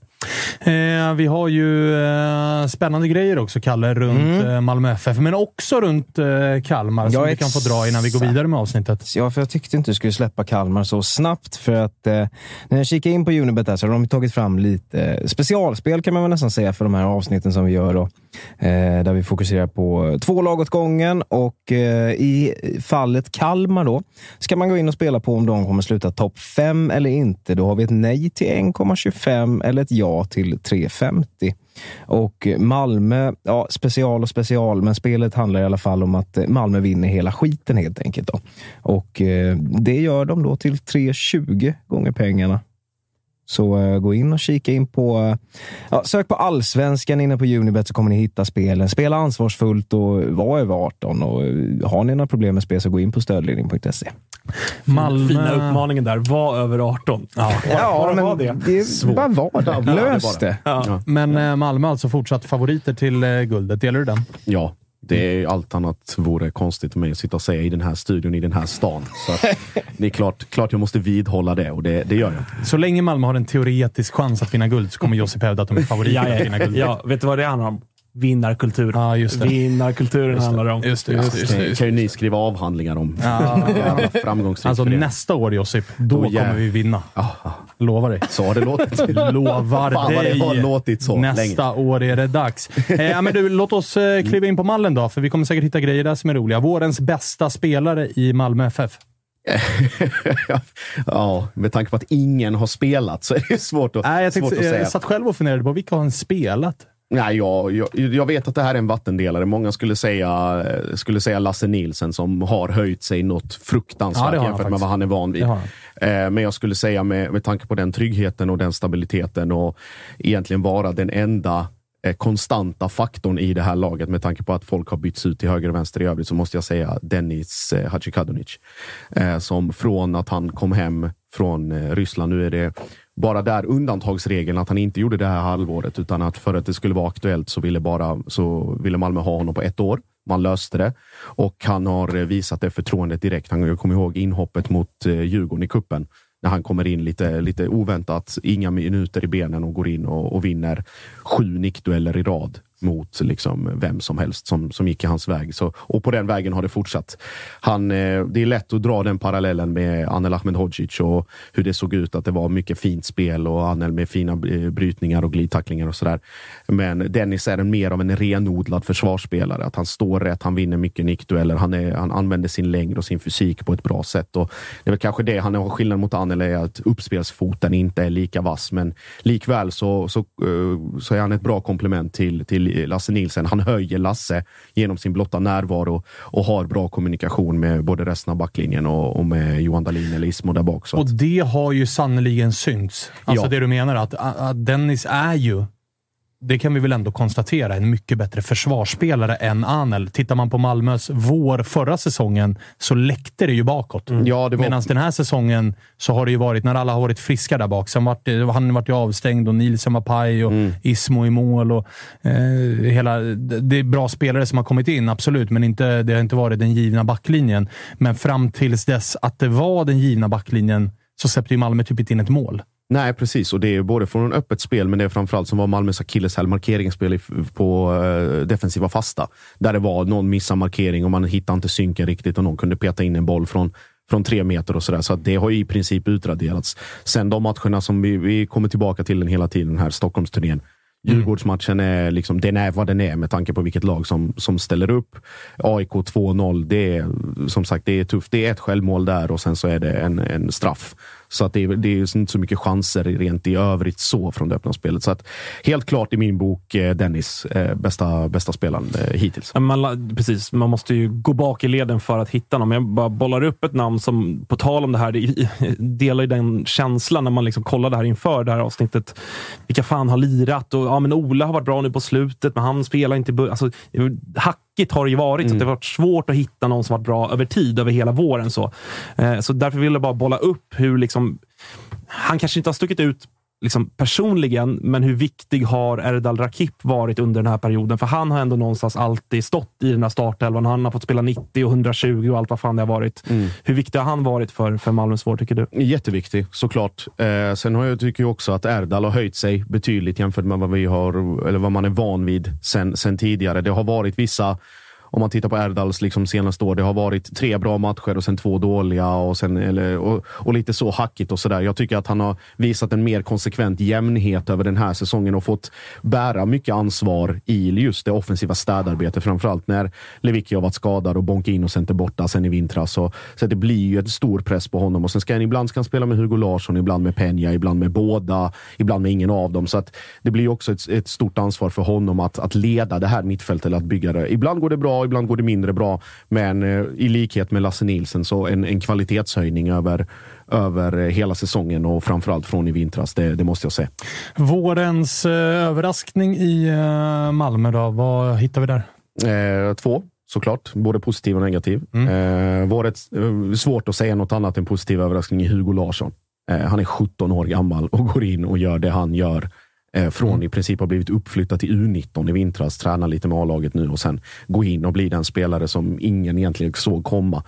Eh, till saken hör ju också att han var en av de sista att bli uppflyttad från just U17 till, eller P17 till P19 för att han är en late bloomer och, och sådär. Men med den fysiken och med den alltså, tryggheten och, och, den oräddheten han har i de här situationerna, alltså i cupfinalen, att bli inkastad alltså 20 minuter in. Och jag tror inte han hade gjort det så bra som han gjorde. Visst, det är lite barnsjukdomar. Det är lite, kanske lite för lätta passningar ibland och att man spelar i spelriktning. Alltså om du vänder bak och passar bak och hela den grejen. Men att, att vara så, så orädd och, och lugn i sig själv hade ju inte kommit om han inte hade fasats in under våren.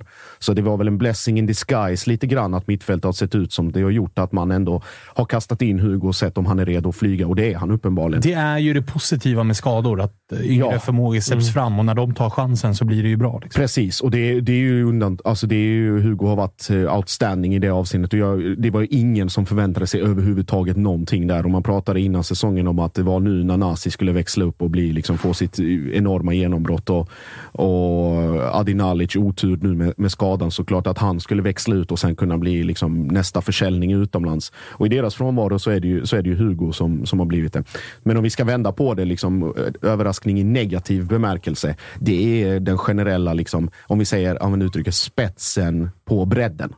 Mm. Och då är det Djurgården. Alltså, många kommer tycka att den här Djurgårdsmatchen att det är orättvist och, och liksom ha den i beaktande och vilka som spelar och deras truppstatus. Alltså, Patriot Seidio som gör en dundermatch där, men som inte ens är tilltänkt att vara liksom, alltså en bänkspelare, eller som är bänkspelare i grunden. Romain Gall som de hittade någonstans längst in i frysen. Visste inte ens att han var kvar i matchen. Ni fattar vad jag menar. Att, att det här påståendet om att ja, vi har två av startelvor som ska vara, liksom, som ska vara i topp top tre eller topp fem. Eller hur nu, nu det kan vi glömma. Det, det, det stämmer helt enkelt inte och det var den ultimata indikatorn. Och sen, ja, alltså, ja, bygga relationer och spela tillsammans och hitta rörelsemönster. Jo, men den individuella kvaliteten är, är ju inte tillräckligt bra det på var, de spelarna Det var precis det jag tänkte säga, så att jag tror att många i, i ledningen Eh, och i, i liksom staben och, och, klubben har fått sig en liten ögonöppnare. Och supportrar. Supportrar framförallt också. Att man har fått sig en liten ögonöppnare och fattar att okej, okay, men det vi har på bänken som ska, som, ska vara, som ska ersätta de som är ordinarie.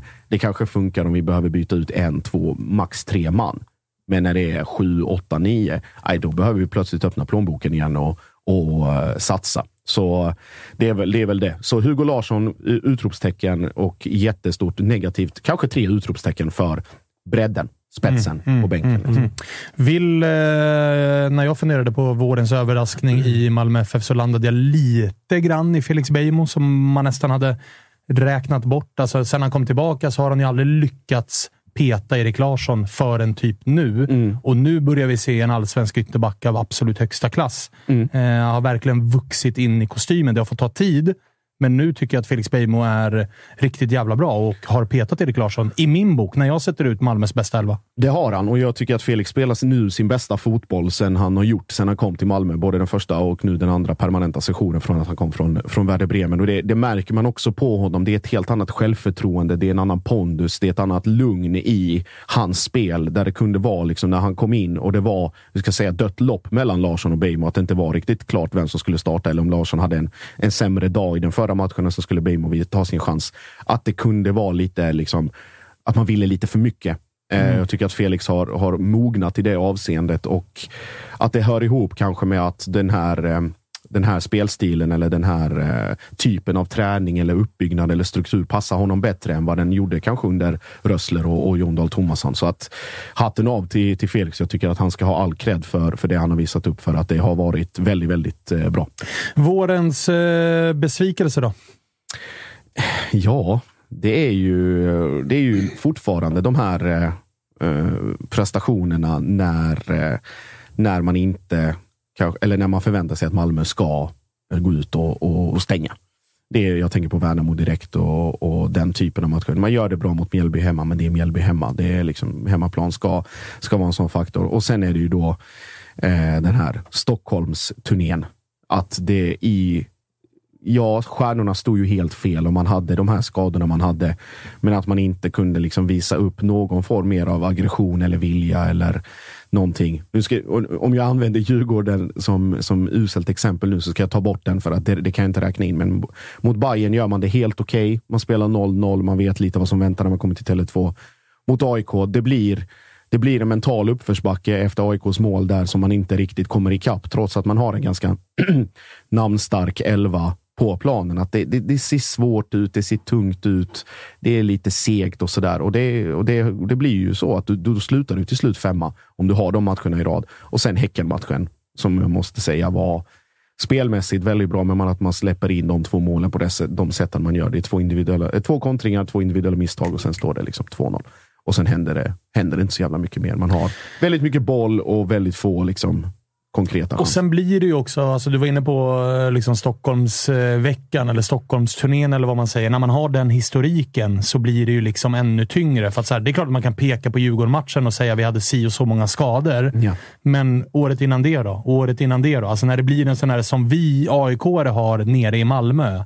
Att så här, mm, vi har ju slutat med ursäkterna för att det spelar ingen roll vad vi gör. Vi förlorar varje gång vi är nere i Malmö. Och så blir det ju nästan nu för Malmö när de kommer till framförallt Tele2 Arena. Att så här, jo, jo, skyll på skadorna då, men när ni hade helt full trupp förra året så vann ju inte de heller. Och Året innan det, inte de heller. Och, Så det är ju någonting med Malmö på den arenan i den staden som måste gräma en så in i helvete. Ja, och oavsett tränare. Det har ju sett, Ja, ut, det har ju sett ut så hur länge som helst. Nu har vi ett kuppundantag mot, mot Djurgården där med Tellins mål, men det är också det enda läget vi har i den matchen.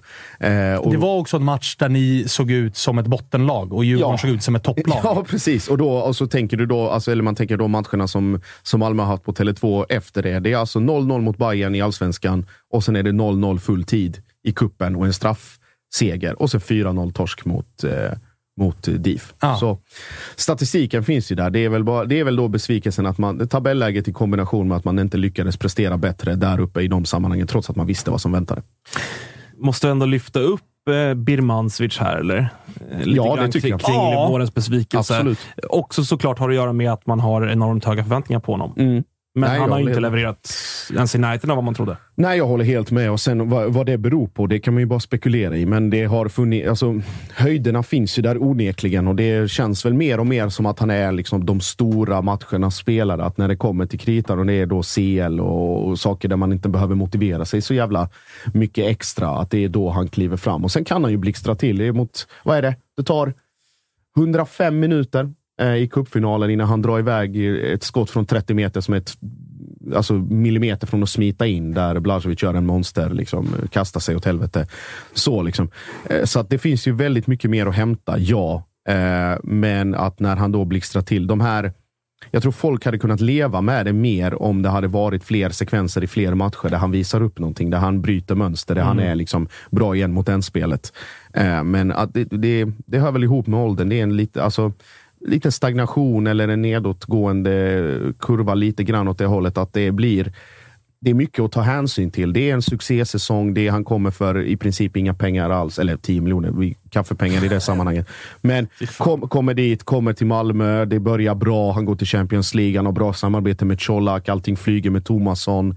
Eh, Liksom bra, bra alltså personlig relation med sin närmaste konkurrent i form av Sören Rex. Och sen så fortsätter Malmö att tugga på, men hans liksom det, sticker inte iväg riktigt. Det börjar pratas om, om eh, klubbar utomlands och han förlänger kontraktet. Säkert Jag tror att det vidare. absolut handlar om det. Alltså, att Kan det vara. handlar om skallen. Vara. Att förra året kom han oprövad och är såhär, jag ska bevisa för alla.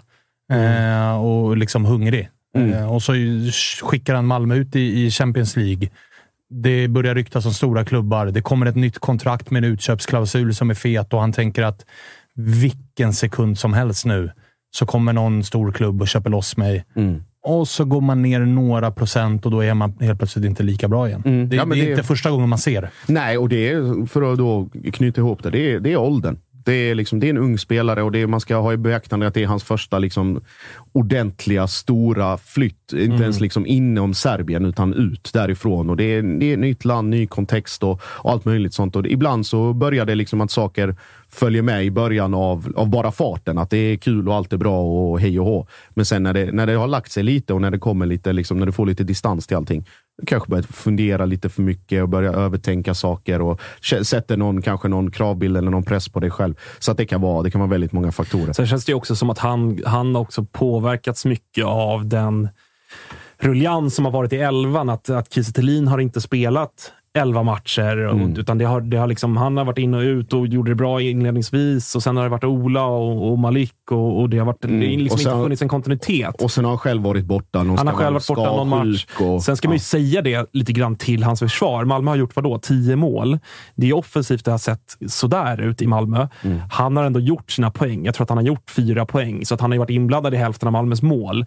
Vilket så, här, så att poängskördsmässigt är det ju en helt okej vård. Det jag är lite förvånad över är väl kanske att han i spelet ibland, framförallt att han försvinner. Mm. Eh, Ah, att, att han, han är, att, inte att han är svag, utan att han försvinner. Mm. Han har liksom svårt att hitta in i matcher. Om det liksom matcher rycks sönder och det, det är inte liksom den rytmen som kanske passar den typen av spelare, så, så har han inte liksom hittat den förmågan. Och Det kanske är också en åldersgrej, att han, han behöver lära sig det, att hitta in i matcher som inte, där matchbilden kanske inte passar honom. Mm. Eh, att det är det som är hans stora utmaning nu, nu framöver, om Malmö ska ta sig till CL igen, om ni ska vinna guld, för att ni är ändå fem pinnar efter och sådär. Eh, Absolut. men, så det blir intressant att se vad, hur Birmancevic eh, höst, höst blir här.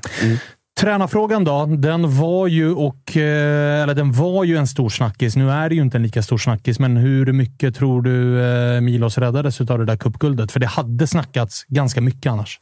Ja, det hade det. Sen snackades det ju, det snackas ju alltid. Det spelar ingen roll om det är MFF eller om det är någon annan av de andra toppklubbarna. Liksom. Det, är, det, det är fyra matcher och sen ska någon avgå. Ja, men frekvensen och tonen på, på Ja. tugget runt Milos hade ju varit av en annan kaliber ifall det inte hade blivit cupguld. Ja, såklart det hade blivit, men det hör ju också ihop med den historiken av tränarförbrukningen som Malmö har haft. Att det Exakt. blir, liksom, det blir en produkt av det. Jag är helt övertygad om att Milos satt... Alltså, ja, det hade väl alltså, gnisslats och cupfinalen och hela den grejen och, och så. Jag tror han hade suttit relativt säkert ändå med tanke på att man har liksom inte råd eller tid att göra sig av med någon så snabbt som du ändå gjorde. Och Milos, till skillnad om vi tar Magnus Persson som exempel, många drog ju de parallellerna.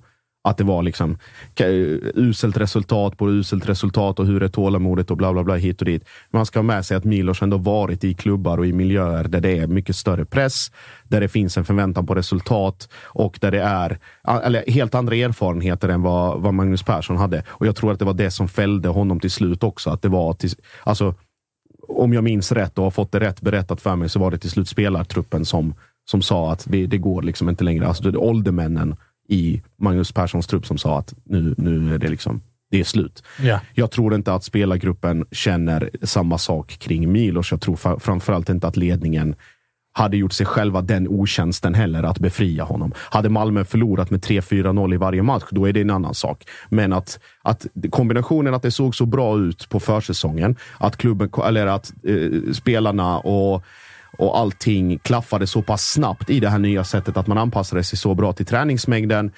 Kuppen gick liksom lite av på smått och då det motståndet man hade. Man hade ändå AIK, Djurgården, Hammarby i de tre sista matcherna och då tabelläget och skadorna och allting sånt. Jag tror inte att det var någon fara på taket rent liksom konkret så. Sen att det knorras och ställs höga krav och det, det, gör det, ju, det gör det ju alltid. Jag är ju helt övertygad om att hade Bayern inte haft den succéstarten utan säg säga att det hade varit i ett potentiellt scenario, att det hade varit tvärtom då hade nog Marti, Martis eh, karriär varit i fara i Bayern. Men om jag Med säger det så- spelschemat och alla, Ja. alltså så tusen andra faktorer. Liksom. Jag, Men ja. om jag säger så här då, av det du har sett hittills, av det du har hört Mm. hittills, och hela den grejen. Tror du på Milos Alltså som en långsiktig Malmötränare? Absolut. Mm. Absolut. Det, alltså man, ska ha, man ska ha med sig att det här det, det tar tid och det här är en grupp som har haft liksom justeringar och förändringar och saker som liksom har skett så pass mycket under så kort tid. Från Rössler, eller ta från alltså Magnus Persson, Allan Kuhn, Ove Rössler, Jon Dahl Tomasson. Nu är man inne på sin femte tränare. Alltså saker kommer hända. Majoriteten av den här truppen har varit med på den långa vägen. Alltså, vi pratar Berget, vi pratar Christiansen, Lasse Nielsen, Johan Dahlin. Liksom, folk har ändå varit med om det och, och sakta men säkert så börjar de här här också fasas ut. Nu tror jag att, om vi tar Berget som exempel, det pratades om, ja, jag har inte fått något kontraktsförslag. Jag är helt övertygad om att de förlänger med Berget. Det blir säkert inte tre år, men det kanske blir ett plus ett med sänkt lön eller whatever. Christiansen börjar, blir ju inte yngre. Lewicki går börjar liksom gå sönder. Rakip vill bort. Så att det har ju sakta men säkert påbörjats en renoveringsfas redan nu. Jag, jag, jag tror att ledningen ville ha den efter säsongen, men fick den nu och då får man agera lite utifrån vad som är tillgängligt på marknaden. Det har pratats om Isak Jansson, det har pratats om Mustafa Zeidan, Sasha Djelar från Partizan nu som senaste ryktet här. Hela den grejen. Ja, lite sån. Säg det där en gång till.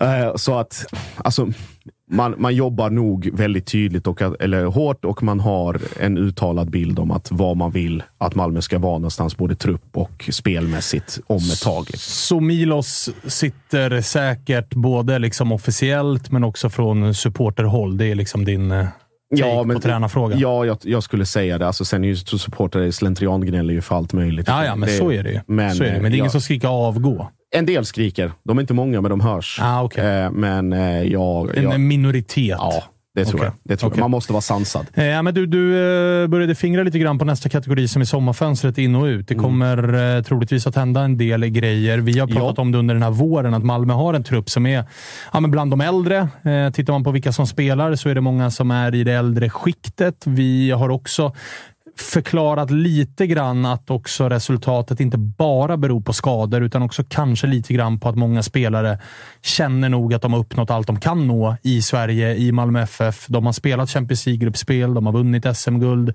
de är 30 plus, att den här hungern kanske inte riktigt finns där. Hur mycket tror du kommer hända under sommaren och hur mycket tror du man sparar till eh, i vintern? Och vad tror du kommer hända under sommaren? Eh, Jag är helt övertygad om att det kommer hända ganska mycket i sommar, både in och ut. Eh, nämner ju de här tre namnen. Alltså det är, vad är det den här uttalade listan som eh, kollega Johan Flink eh, skrev? Det var väl en, en ytter som ska passa i ett 4-3-3, en eh, sexa slash åtta och någon som ska ersätta eh, Adi Nalic, eh, långtidsskadade. Och då pratar man om Nanasi på lån och det var Kalmar och Sirius och, och de klubbarna som det har pratats om.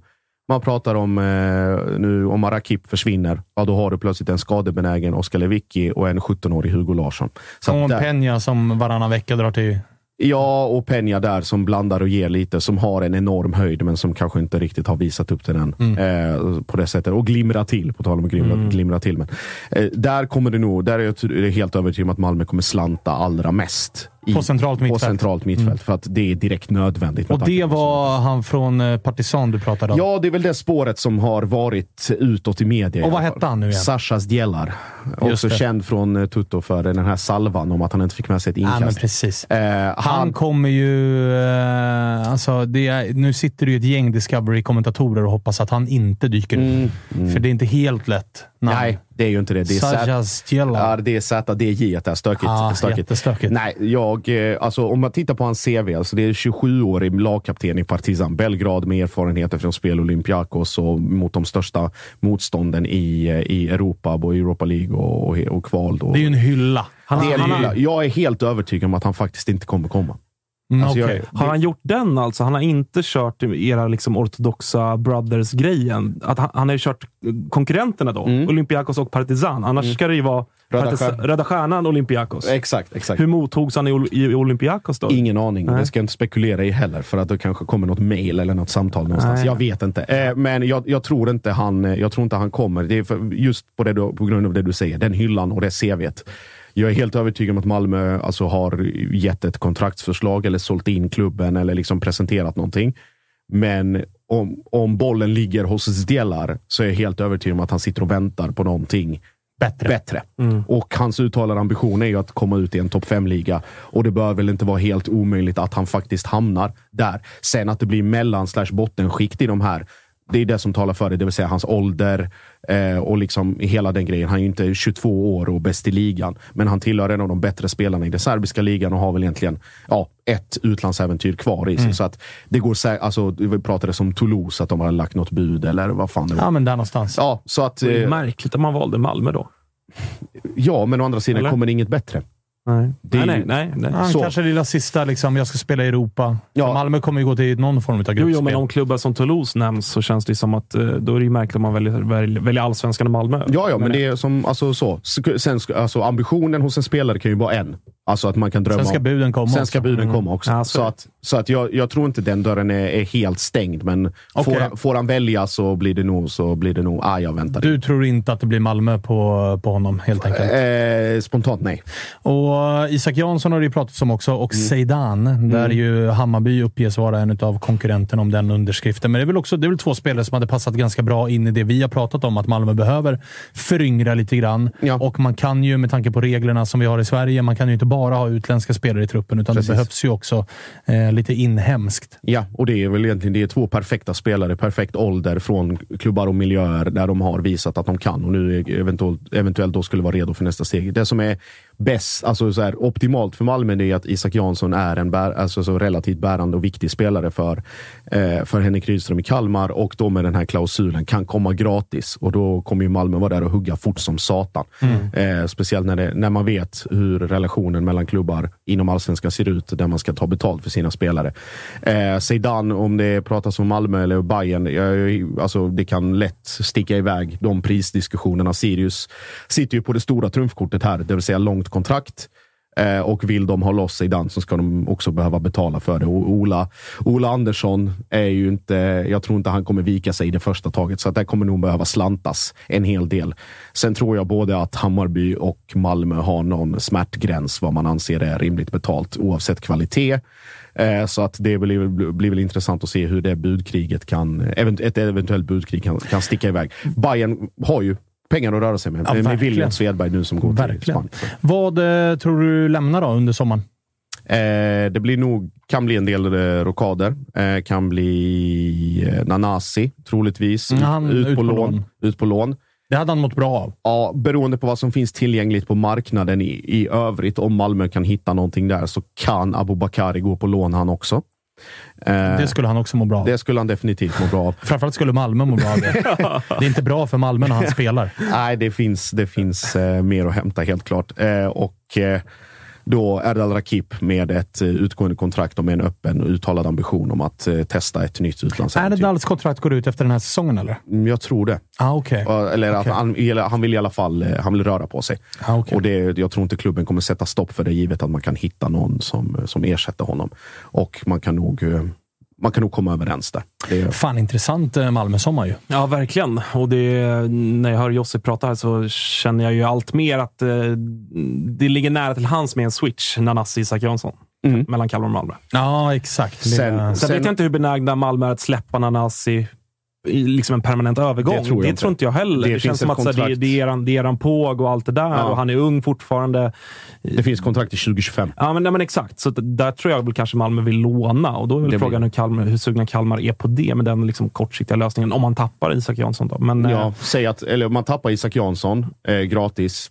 Keft, men skulle säga vi pratade om innan, skulle Kalmar få in Tobias Sana permanent mm, ja, eh, och då Nanasi in på lån. mm. Är Jag ju- tror, jag tror Och inte så man pappa. Diouf på korttidskontrakt. Ja, jag tror inte man tackar nej. Nej, det, är väl det är så bra, det är väl så bra ordnat man kan. Från Det är Kalmar den hyllan Kalmar kan jobba med, liksom, eh, skulle jag säga. Och i det Eh, läget de är också. Ja, men exakt. Eh, ifall du eh, får ge ett betyg då? Eh, för hela våren. Ja. Två plus. Ja, det blir inte mer, va? Nej. Och om det inte hade blivit cupguld? Ja, då är vi på ettan. Då touchar vi Visst är vi det? Ja. Alltså det är vidrigt att, att vi, vi pratar liksom betyg vi mellan ett och två. Men ändå så tycker Josip att de är favoriter till att vinna SM-guld. Alltså, den här generationen Malmö-supportrar behöver ju en riktig motgång. Man vet ju att de har ju uttåg. Ja, men man vet ju att Josip och hans polare sitter och gnäller lite över den här våren och tycker att de har haft det kämpigt. Alltså, Bortskämda. Ja, bortskämda jävlar. Ni behöver en riktig jävla motgång. Alltså, Ja, fan. ja, ja. Nej, men det är, alltså, höjden är så pass, alltså, den är så pass stor och så pass liksom... När allting klaffar så kommer det rulla av sig självt. Och det, med, och då, det som talar ytterligare för det är alla de här Stockholmsmatcherna som nu vänder. Eh, nu har vi städat av AIK, eh, de matcherna. Men det blir Djurgården hemma, Bayern hemma och sen då kommande spelschemat här börjar med ett Skånederby, sen är det dubbelmöte mot Sirius och så ska man möta Giffarna.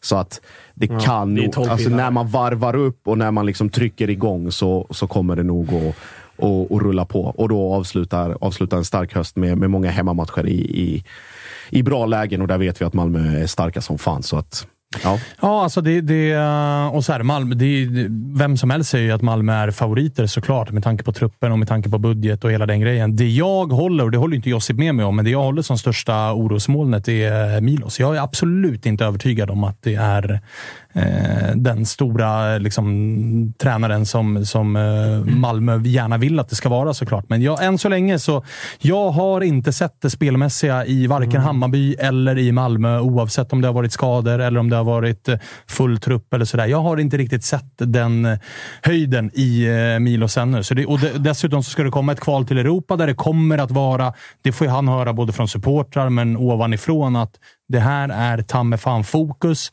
Vi har lärt oss av tränare som Jon Dahl, Ove Rösler och hela den grejen att under den perioden kvittar det lite grann om motståndet heter Djurgården på Tele2 eller om de heter Värnamo på Finnvedsvallen eller vad fan det än är. Malmö har en tendens att tappa poäng under den perioden, vilket är fullt rimligt. Vi har pratat om att de här ersättarna som ska roteras in, de är inte riktigt lika bra. Malmö har ofta problem i de här mellanmatcherna. Eh, Det pratade vi om när de hade, ni hade ju en vecka där det var eh, AIK på helgen, Värnamo borta och sen Göteborg på en, på en vecka. Och, och Då pratade vi med Ebbe som var så här, det är Värnamo borta. Det är där som det är svårt för oss. För vi kan inte motivera oss till dem. Vi, vi, ja, Våra spelare tänker på nej men det är AIK och Göteborg vi ska vara bra mot. Och så vart det poängtapp mot Värnamo. Så det är lite det jag tror kan bli bakslaget även när det ska kvalas till, till Champions League. Att Sirius borta, det, ah, fan det är inte så jävla kul. Och så ska det roteras och så snubblas det och så den grejen. Och jag är inte säker på att Milos eh, är tillräckligt eh, bra. Han får ju motbevisa mig, men, men det är det jag tror är emot Malmö-guldet. Två saker. Eh, vi börjar med, kan börja med de här eh, matcherna och motivering och sånt. Ja, statistiken är ju helt klart tydlig att Malmö har svårt där.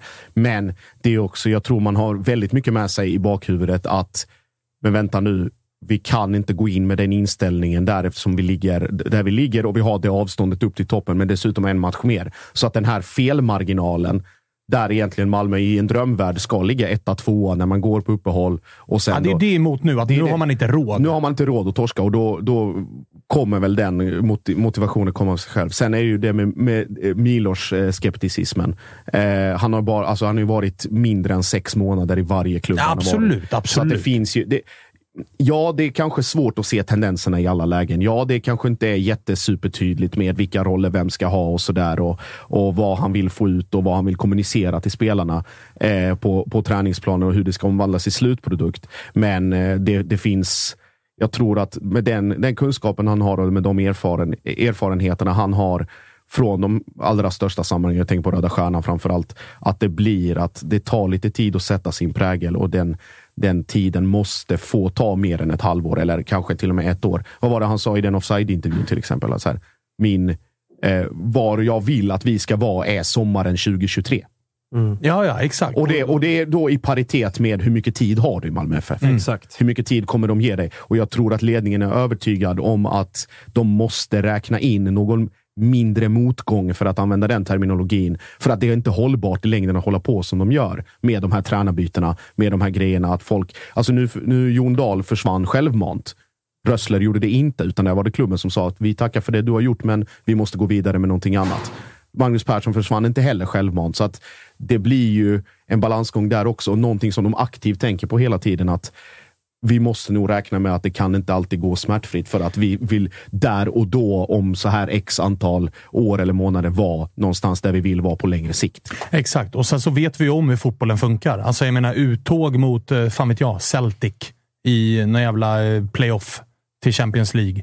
Samtidigt som man under den vevan liksom har tappat någon poäng till i allsvenskan. Alltså vi kan ju vara i ett läge där Malmö åker ur mot Celtic och ligger åtta poäng från första platsen i allsvenskan. Alltså då kommer ju temperaturen att skruvas upp, för så funkar det. Mm. Eh, och jag menar, är, är han, han har varit i Röda Stjärnan som ass visserligen, men jag menar, han har absolut ett, en ryggsäck av att kunna hantera passionerade klubbar där kravbilden är hög.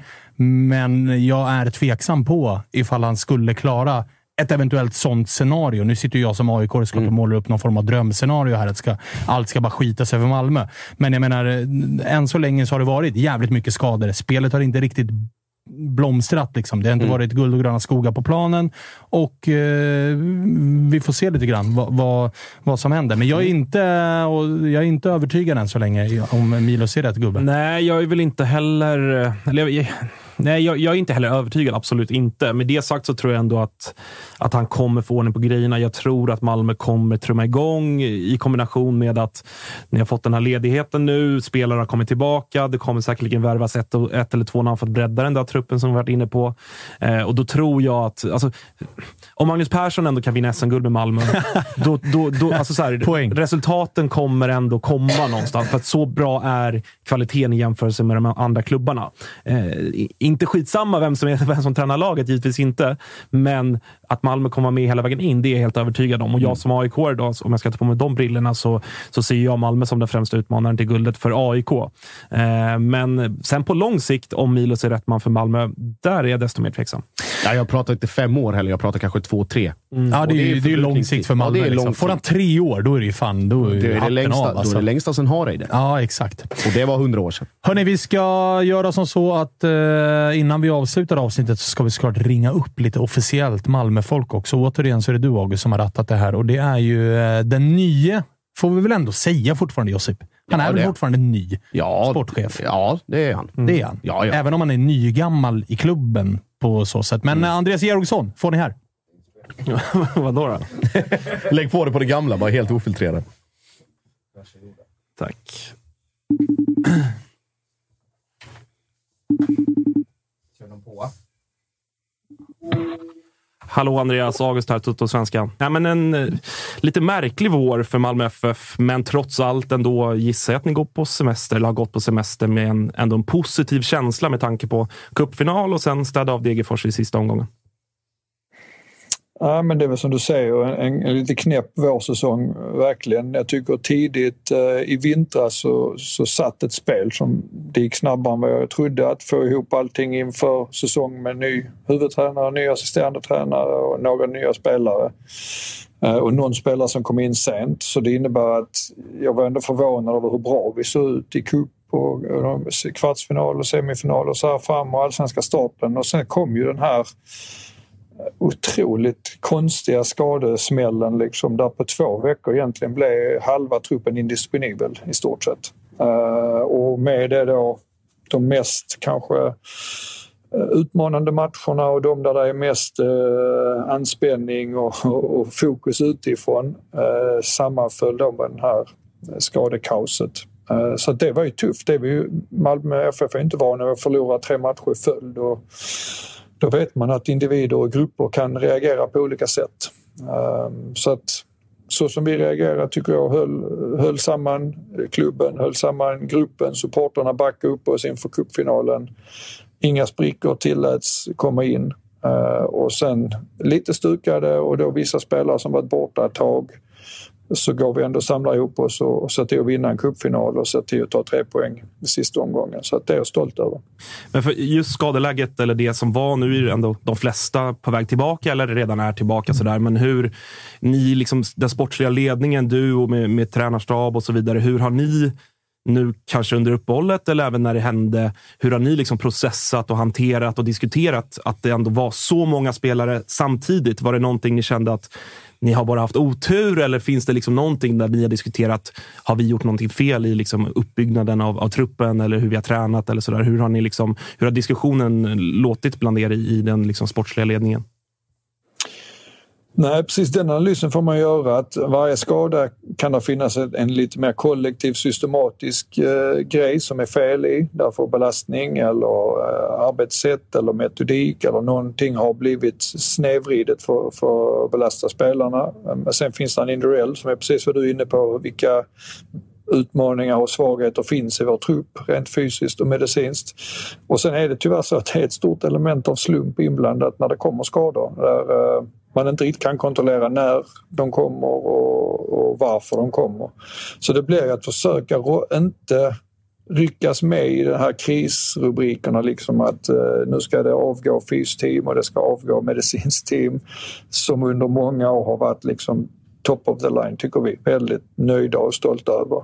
Utan istället lite med kallt huvud fundera över varför kommer allt på en gång? Hur mycket är slump? Hur mycket är annat? Så den processen har vi gjort och konstaterat att mängden skador totalt sett för den här vårsäsongen är ungefär samma som i fjol. Eh, så totala mängden skador är ingen skillnad. Eh, men det är just det att de inträffar så jäkla på en sån kort period och då dessutom sammanfaller de med två sjukdomar och en avstängning då på också väldigt bärande spelare. Så att det var nog en kombination av grejer och då har vi vissa grejer i vår process som vi tycker är ganska små detaljer som ah, men här kan vi skruva på. Eh, som vi vet över tid har en bra effekt på eh, tillgänglighet. Men äh, inga stora strukturella grejer som vi känner att här gick vi fel. Eh, det tycker jag inte. Eh, Andreas, jag tänkte på, alltså, du, vi pratar om skadeläget här och vi pratar om liksom den stora rotationen i trupperna, framförallt under den så kallade Stockholmsturnén här i maj. Eh, och jag utgår jag framförallt från matchen mot, mot Djurgården, där det egentligen var en vi ska säga, väldigt rotations slash reservbaserad elva, om man ska hårdra det och använda den terminologin. Gav, ja. gav liksom de insatserna, eller insatserna under hela våren, av de här tilltänkta liksom, rotationsspelarna något svar på var truppen befinner sig liksom kvalitetsmässigt. Har det motsvarat förväntningarna? Har de varit högre, lägre och så vidare? Eller är ni, är ni nöjda med vad, vad som har visats upp utifrån förutsättningarna? Nej, jag tycker nog, eh, om man ser Mjällby-matchen hade vi redan lite avbräck också och, och, där var det några stycken spelare in och direkt tycker jag de visar att det är inga problem för oss att rotera in en två, tre, fyra spelare till en match. Vi vet att kvaliteten finns i vår trupp och vi höll en oerhört hög nivå i den matchen. AIK-matchen som kommer efter, ytterligare något avbräck i vår fyrbackslinje då framförallt allt. och då eh, helt plötsligt så tycker jag fortfarande vi gör en ganska bra match. Och sen så skapar lite chanser, sätter inte dit dem. Och sen gör vi ett självmål oturligt i fel timing. Och sen är AIK svåra att tas med på bortaplan med 1-0 i ledning. Eh, så där tycker jag fortfarande att de som kommer in och de i det kollektivet som fungerar visar att de är starka nog att varje MFF får prestera på den nivån vi förväntar oss. Sen är Djurgården den är en, en unik situation tycker jag därför där kastas ett helt nytt lag ihop i stort sett. De har aldrig spelat matcher ihop i den konstellationen. De hade ganska liten tid att förbereda sig för det och dessutom tror jag i den matchen det är något sent återbud också som gör att när vi väl då tyckte att vi hade pusslat ihop en matchplan och en startelva så fick vi dessutom göra en sen ändring också. Och då, då tycker jag det är tufft att döma spelarna därför att relationer på plan och, relationer i ett lag, det bygger man över tid. Så att byta ut en, två pjäser eller tre kanske till och med i ett system som funkar fullt ut, det brukar gå. Men att sätta in så mycket nytt och, och pussla så mycket inför en sån utmanande match på det underlaget på bortaplan där jag ändå tycker vi startar även den matchen bra och faktiskt igen då ett jäkla oturligt självmål och sen ett, mål, ett misstag till och sen blir det för mycket. Det tenderar inte en, en, stabilitet i den gruppen tror jag tillsammans som ska göra det därför de har inte genomlidit tillräckligt mycket ihop och de har inte fått tillräckligt mycket chanser att skapa relationer. Så att utifrån den tycker jag det är väldigt svårt att döma någon av spelarna individuellt. Eh, och sen Häcken hemma tycker jag är en, en ganska svag kollektiv prestation. Den är bra nog för att, styr, att vara en ganska jämn allsvensk fotbollsmatch. Vi, samma i den matchen. Släpper vi inte kontringarna och vi är lite bättre i vissa moment så kanske vi hade kommit undan med matchen. Men vi tycker inte själva att det är en bra prestation på hemmaplan. Där, där är vi i en dålig fas också efter två förluster tror jag. Så. Mm. Så det är lite av varje. Det är inte undanflykter, det är lite förklaringar tycker jag. Jag tycker inte det faller på några individer att de har visat att de inte räcker. Men just i den matchen, Djurgården, den, det blir nästan en anomali. Den är nästan för knäpp för att försöka analysera tycker jag. Mm. Om, vi, om vi tittar på staben och då är det som du säger med de här förutsättningarna. De har fått pussla till och från och liksom som du säger sena återbud nästan in på uppvärmningen. Hur tycker du att Milos, Nikola, Jeffrey och resten av staben har, har hanterat den här våren utifrån de här premisserna? Nej, men jag tycker, jag är, som sagt, jag är nöjd med hur snabbt vi fick ihop eh, att vi såg ut som ett lag och snabbt vi fick en, en enighet. För oss är det också att hantera två SM-guld och ett Champions League-gruppspel utan att bli mätta. För det är också människans natur att när framgång kommer jag tror det var Michael Jordan som sa det, är inga problem att vinna en gång. Det svåra är att vinna igen och igen och igen. Och att jag tycker att vi fick in en skön identitet och attityd direkt att inte slå oss till ro Eh, och sen kämpar man ju mot det såklart hela tiden. Det är, som sagt, har du, har du vunnit några gånger så gäller det att väcka den hungern varje träningspass och varje, varje match. Vilket de jobbat intensivt med och lyckats tycker jag.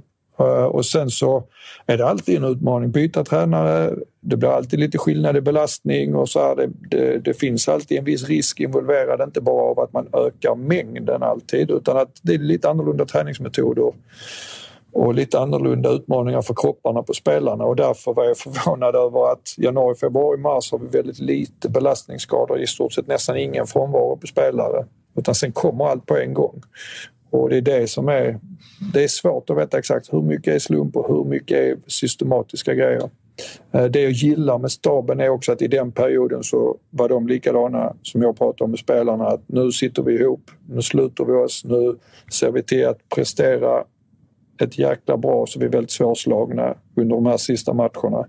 Och sen tar vi det därifrån att då får man acceptera att vissa delar i den långsiktiga processen, just då är det viktigt att gemenskapen är där. Eh, svårigheten att bli besegrade finns där och sen bygger vi igen då när vi börjar samla styrkorna. Mm. Eh, något, på, något på sikt. Ja, men precis, för det har ju vi pratat mycket om här i tidigare avsnitt. Att man, eh, alltså det hade ju varit en sak om ni låg nia och var 12 poäng efter toppen. Så är inte fallet nu eftersom så här, ni, ni, gör det ni ska mot Degerfors, laddar om efter kuppfinalen och sådär. Och vi har ju pratat, inte minst du Josip, väldigt mycket om att det är i sommar när det kommer ett Europakval, när Malmö igen ska försöka ta sig till Champions League. Det är då ni ska, ska vara som bäst. Går att säga att liksom någonstans har varit planen också kanske att man har tränat både försäsong och nu våren, att man någonstans har anpassat både spel och belastning och sådär utifrån att vi behöver inte vara bäst omgång två, tre, utan det är när sommaren kommer, tajta matchande, det är då er breda trupp ska liksom bära frukt och allt det här. Finns det någon sanning i det? Att det är liksom piken Malmö FF har vi inte sett, utan den ska komma här nu vad det lider under, under sensommaren och, och hösten när det börjar avgöras. Uh, nej, det tror jag egentligen inte. Utan vi går in i allsvenskan med en ambition att vara eh, toppade i form och liksom verkligen kunna prestera vårt max. Uh, och sen har vi inte nått alla höjder hela tiden. Framförallt kanske i vårt anfallsspel tycker vi att vi har bitar kvar. Det är också det som ofta bryter ner låga försvar. Sista tredjedelen, det är ofta det som tar mer tid att sätta och få på plats. Så får du då en sån period med mycket rotation och frånvaro så blir det hack i den processen. Eh, så att det är klart, i den perioden är vi rätt överens om att vi, där kan vi absolut bättre. Men det var inte så att vi hade någon plan att vi ville absolut förbättra vårt defensiva facit. Det har vi gjort ganska rejält och vi känns väldigt mycket stabilare och trygga där. Men eh, vi, vi vet också att det, det finns potential att bli bättre i det andra. Men jag kan inte säga att vi har satt någon plan för att vi ska vara där i sommar utan det har, vi, vi visste att det är superviktiga matcher här i april och maj. Eh, frustrerande när det kommer de här, vi vet de mest utmanande, tuffaste matcherna, att vi inte har full styrka. Det är, det är lite irriterande men det är också en del av spelet. Eh, så att nu, jag tror inte ni har sett toppen men det har inte varit någon plan att vi inte skulle vara på toppen redan, redan i april. Mm. Vi går tillbaka väldigt kort bara till, eh, till cupfinalen, Andreas. Du pratade om liksom gruppen och att sluta sig och ha ett gemensamt mål. Det känns utifrån, du får gärna säga emot mig om jag har fel eller hur du upplever det, men det känns utifrån som att den här cupfinalsegern och den här liksom pokalen och 7000 MFF-are på, på läktaren i Stockholm, att det innebar väldigt, väldigt mycket som gemensamt mål för just den här gruppen. Det vill säga liksom att det blir um, jag ska inte säga, alltså, du pratade om mättnad tidigare, men att det blir någonting som även de nya, eller de unga, de up and coming spelarna och de äldre kan enas kring och sen bygga vidare på nu när, när matchandet blir ännu mer intensivt. Nej, men jag tror du har en poäng. Alltså det, det fin, den, uh, förväntansbilden som finns på MFF nu efter det här sista decenniet är ju helt otrolig. Alltså sju SM-guld på tio år och tre Champions League-gruppspel och två Europa League knockout stage. Alltså det är klart att kommer du in som ny tränarteam eller nya spelare och så är liksom, tittar du, eller ny sportchef, mm, och så tittar du, så här var det senaste decenniet, okej, okay, step upp nu för vi ska bli bättre, det är hela vår ambition. Det är klart att det blir en rätt, det är en rätt tung tröja att bära ibland, det får man fatta att åker du på tre förluster och du saknar några av de spelarna som du vet verkligen kan hjälpa oss att uppnå ännu större resultat. Den pressen är ju tuff ju. Och det är klart att, det, att ha hanterat den pressen så effektivt eller så starkt som den var i den här perioden med tre förluster. Eh, får man då en framgång ihop i det tillfället, okej okay, det ser inte jättevackert ut, det prickar inte av alla grejer vi vill eh, se ut som när vi spelar match. Men det är klart att det skapar en, en ro i själen hos nya tränare och nya spelare men även den gruppen som nu sitter ihop. Det är alltid en ny grupp varje säsong att fy fan, vi tog oss igenom det. Vi sprack inte, vi började inte skylla på varandra. Vi ser till att stänga till så att det är jävligt svårt att slå oss. Det är klart att det ger oss en, en, en, en tyngd i att vi, klart vi kan göra detta igen. Klart vi kan upprepa. Nu vann vi första kuppen på 33 år. Mm okej, okay, fan då har vi uppnått detta tillsammans och då, då blir nästa motgång, så har vi tagit oss igenom en motgång ihop nu, då tror jag detta kommer att ligga till vår fördel och det ger energi såklart. Det ger en jävla energi. Att när, det var, när man var lite mör och det var tungt så pang, då fick vi fira ihop och njuta ihop. Och det kan man inte underskatta, det är jätte, jättefint.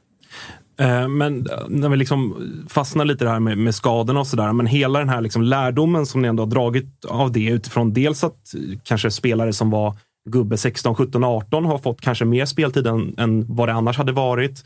Men också för i din roll då tänker jag som sportchef har liksom det skadeläget som var och som ändå, det är ändå en del liksom äldre spelare som är mer sköra liksom generellt sett för skador. Har hela den här liksom perioden påverkat din känsla och plan och inställning inför sommarfönstret som kommer nu? Att du känner att okej, okay, vi kanske är lite mer sårbara än vad jag trodde. Att det kanske behövs stärkas upp mer? Eh, kanske. Jag skulle nog inte säga att det har varit någon radikal eh, strategiförändring inför sommarfönstret. Vår trupp byggdes för att eh, hantera egentligen dubbelt matchande mer intensivt än någonsin. Därför är, om man tittar på vår trupp nu jämfört med tidigare år så är den ännu mer etablerad. Vi har i stort sett två spelare på alla positioner som liksom aktivt konkurrerar på ganska lika villkor. Och Sen har vi dessutom en Hugo Larsson som har slått våra förväntningar ganska mycket Eh, och som då är med och tävlar. Så att egentligen är truppen byggd för att hantera säsongen. Vi åkte på en långtidsskada på Addi eh, som i första hand har varit ytterforward men också lite tia som vi tror att den, den vill vi nog ersätta. Eh, men sen du vet, det går sex månader, det är klart den ursprungliga planen vi får fundera. Är det någon liten pusselbit eller någon grej vi vill ändra i truppens struktur så kan vi ge oss själv chansen men det har inte varit någon radikal förändring. Eh, men det är heller inte så att vi säger nu sa vi detta i januari, då ska vi hålla oss till det. Det, det, det lever ju en säsong och en trupp lever. Mm. Nej, jag tänkte just det har ju varit spekulationer och det har ju varit din företrädare. de, de gångerna han väl svarade i telefon så var det ju väldigt mycket inga kommentarer och det spelare i andra klubbar, det kommenterar inte vi Malmö FF, och så vidare och så vidare. Eh, jag tänker, du har ju fortsatt lite på den vägen såklart, men det är liksom, man, man förstår det och det är spekulation och det är vårt jobb, framförallt i media, att, att gräva i de här sakerna. Men det, det blir ju hur ska jag säga, har, har det uttryckts några form av önskemål eller förväntningar eller förhoppningar från, från liksom staben om att här, den här positionen skulle jag vilja skulle vi vilja förstärka eller här behöver vi någonting. Eller såklart, du får svara i generella termer. Jag vet ju att det är väl så här, nu, nu blir det ju det här. Nej, nej, men det, det är ett jobb att spekulera och så vidare. Men finns, men jag, det, finns det något jag sånt? Jag försöker gärna förklara processen och sen mm. så är det ju såklart när det, precis som Danne har sagt i alla år, så så kommenterar man inte andra spelare i andra klubbar. För jag hade blivit jävligt irriterad om någon gick ut och hela tiden pratade om våra spelare. Så det är mer en respektfråga för den arbetsgivare man har. Eh, men däremot så är det klart att man gör en plan för säsongen. Man gör också en plan för en, två säsonger framåt. Vilken progression tror vi att vår trupp kommer ha? Eh, för vår del för att hantera förväntansbilden som finns hos oss med inte sådär jättestora utrymmen för djupa dalar eh, så vet vi att vi behöver en trupp där det är ganska många spelare som är på en, en högpresterande del av sin karriär där de liksom nästan har nått sin peak eller är i sin peak. Eh, sen kommer vi alltid ha några spelare som är på liksom sista delen av sin karriär som bidrar med starkt ledarskap och som är erfarenhet i viktiga Europamatcher och avgörande allsvenska matcher. De kommer vi gärna hela tiden ha i vår trupp men vi behöver också ha några spelare som vi hela tiden vet de är på, sin, på, på gränsen till genombrottet har precis liksom slått igenom och gjort sin första riktigt, riktigt vassa säsong. För att vi vet att vi också kommer behöva sälja spelare över tid och det är de spelarna vi säljer. Så att det, det är ju det, det, är det pusslet man hela tiden lägger och det diskuterar jag ju framförallt med Milos med jämna mellanrum. Vi har ju väldigt tydlig rollfördelning. Han förbättrar laget, förbättrar spelarna. Jag och Danne bygger truppen och planerar från fönster till fönster.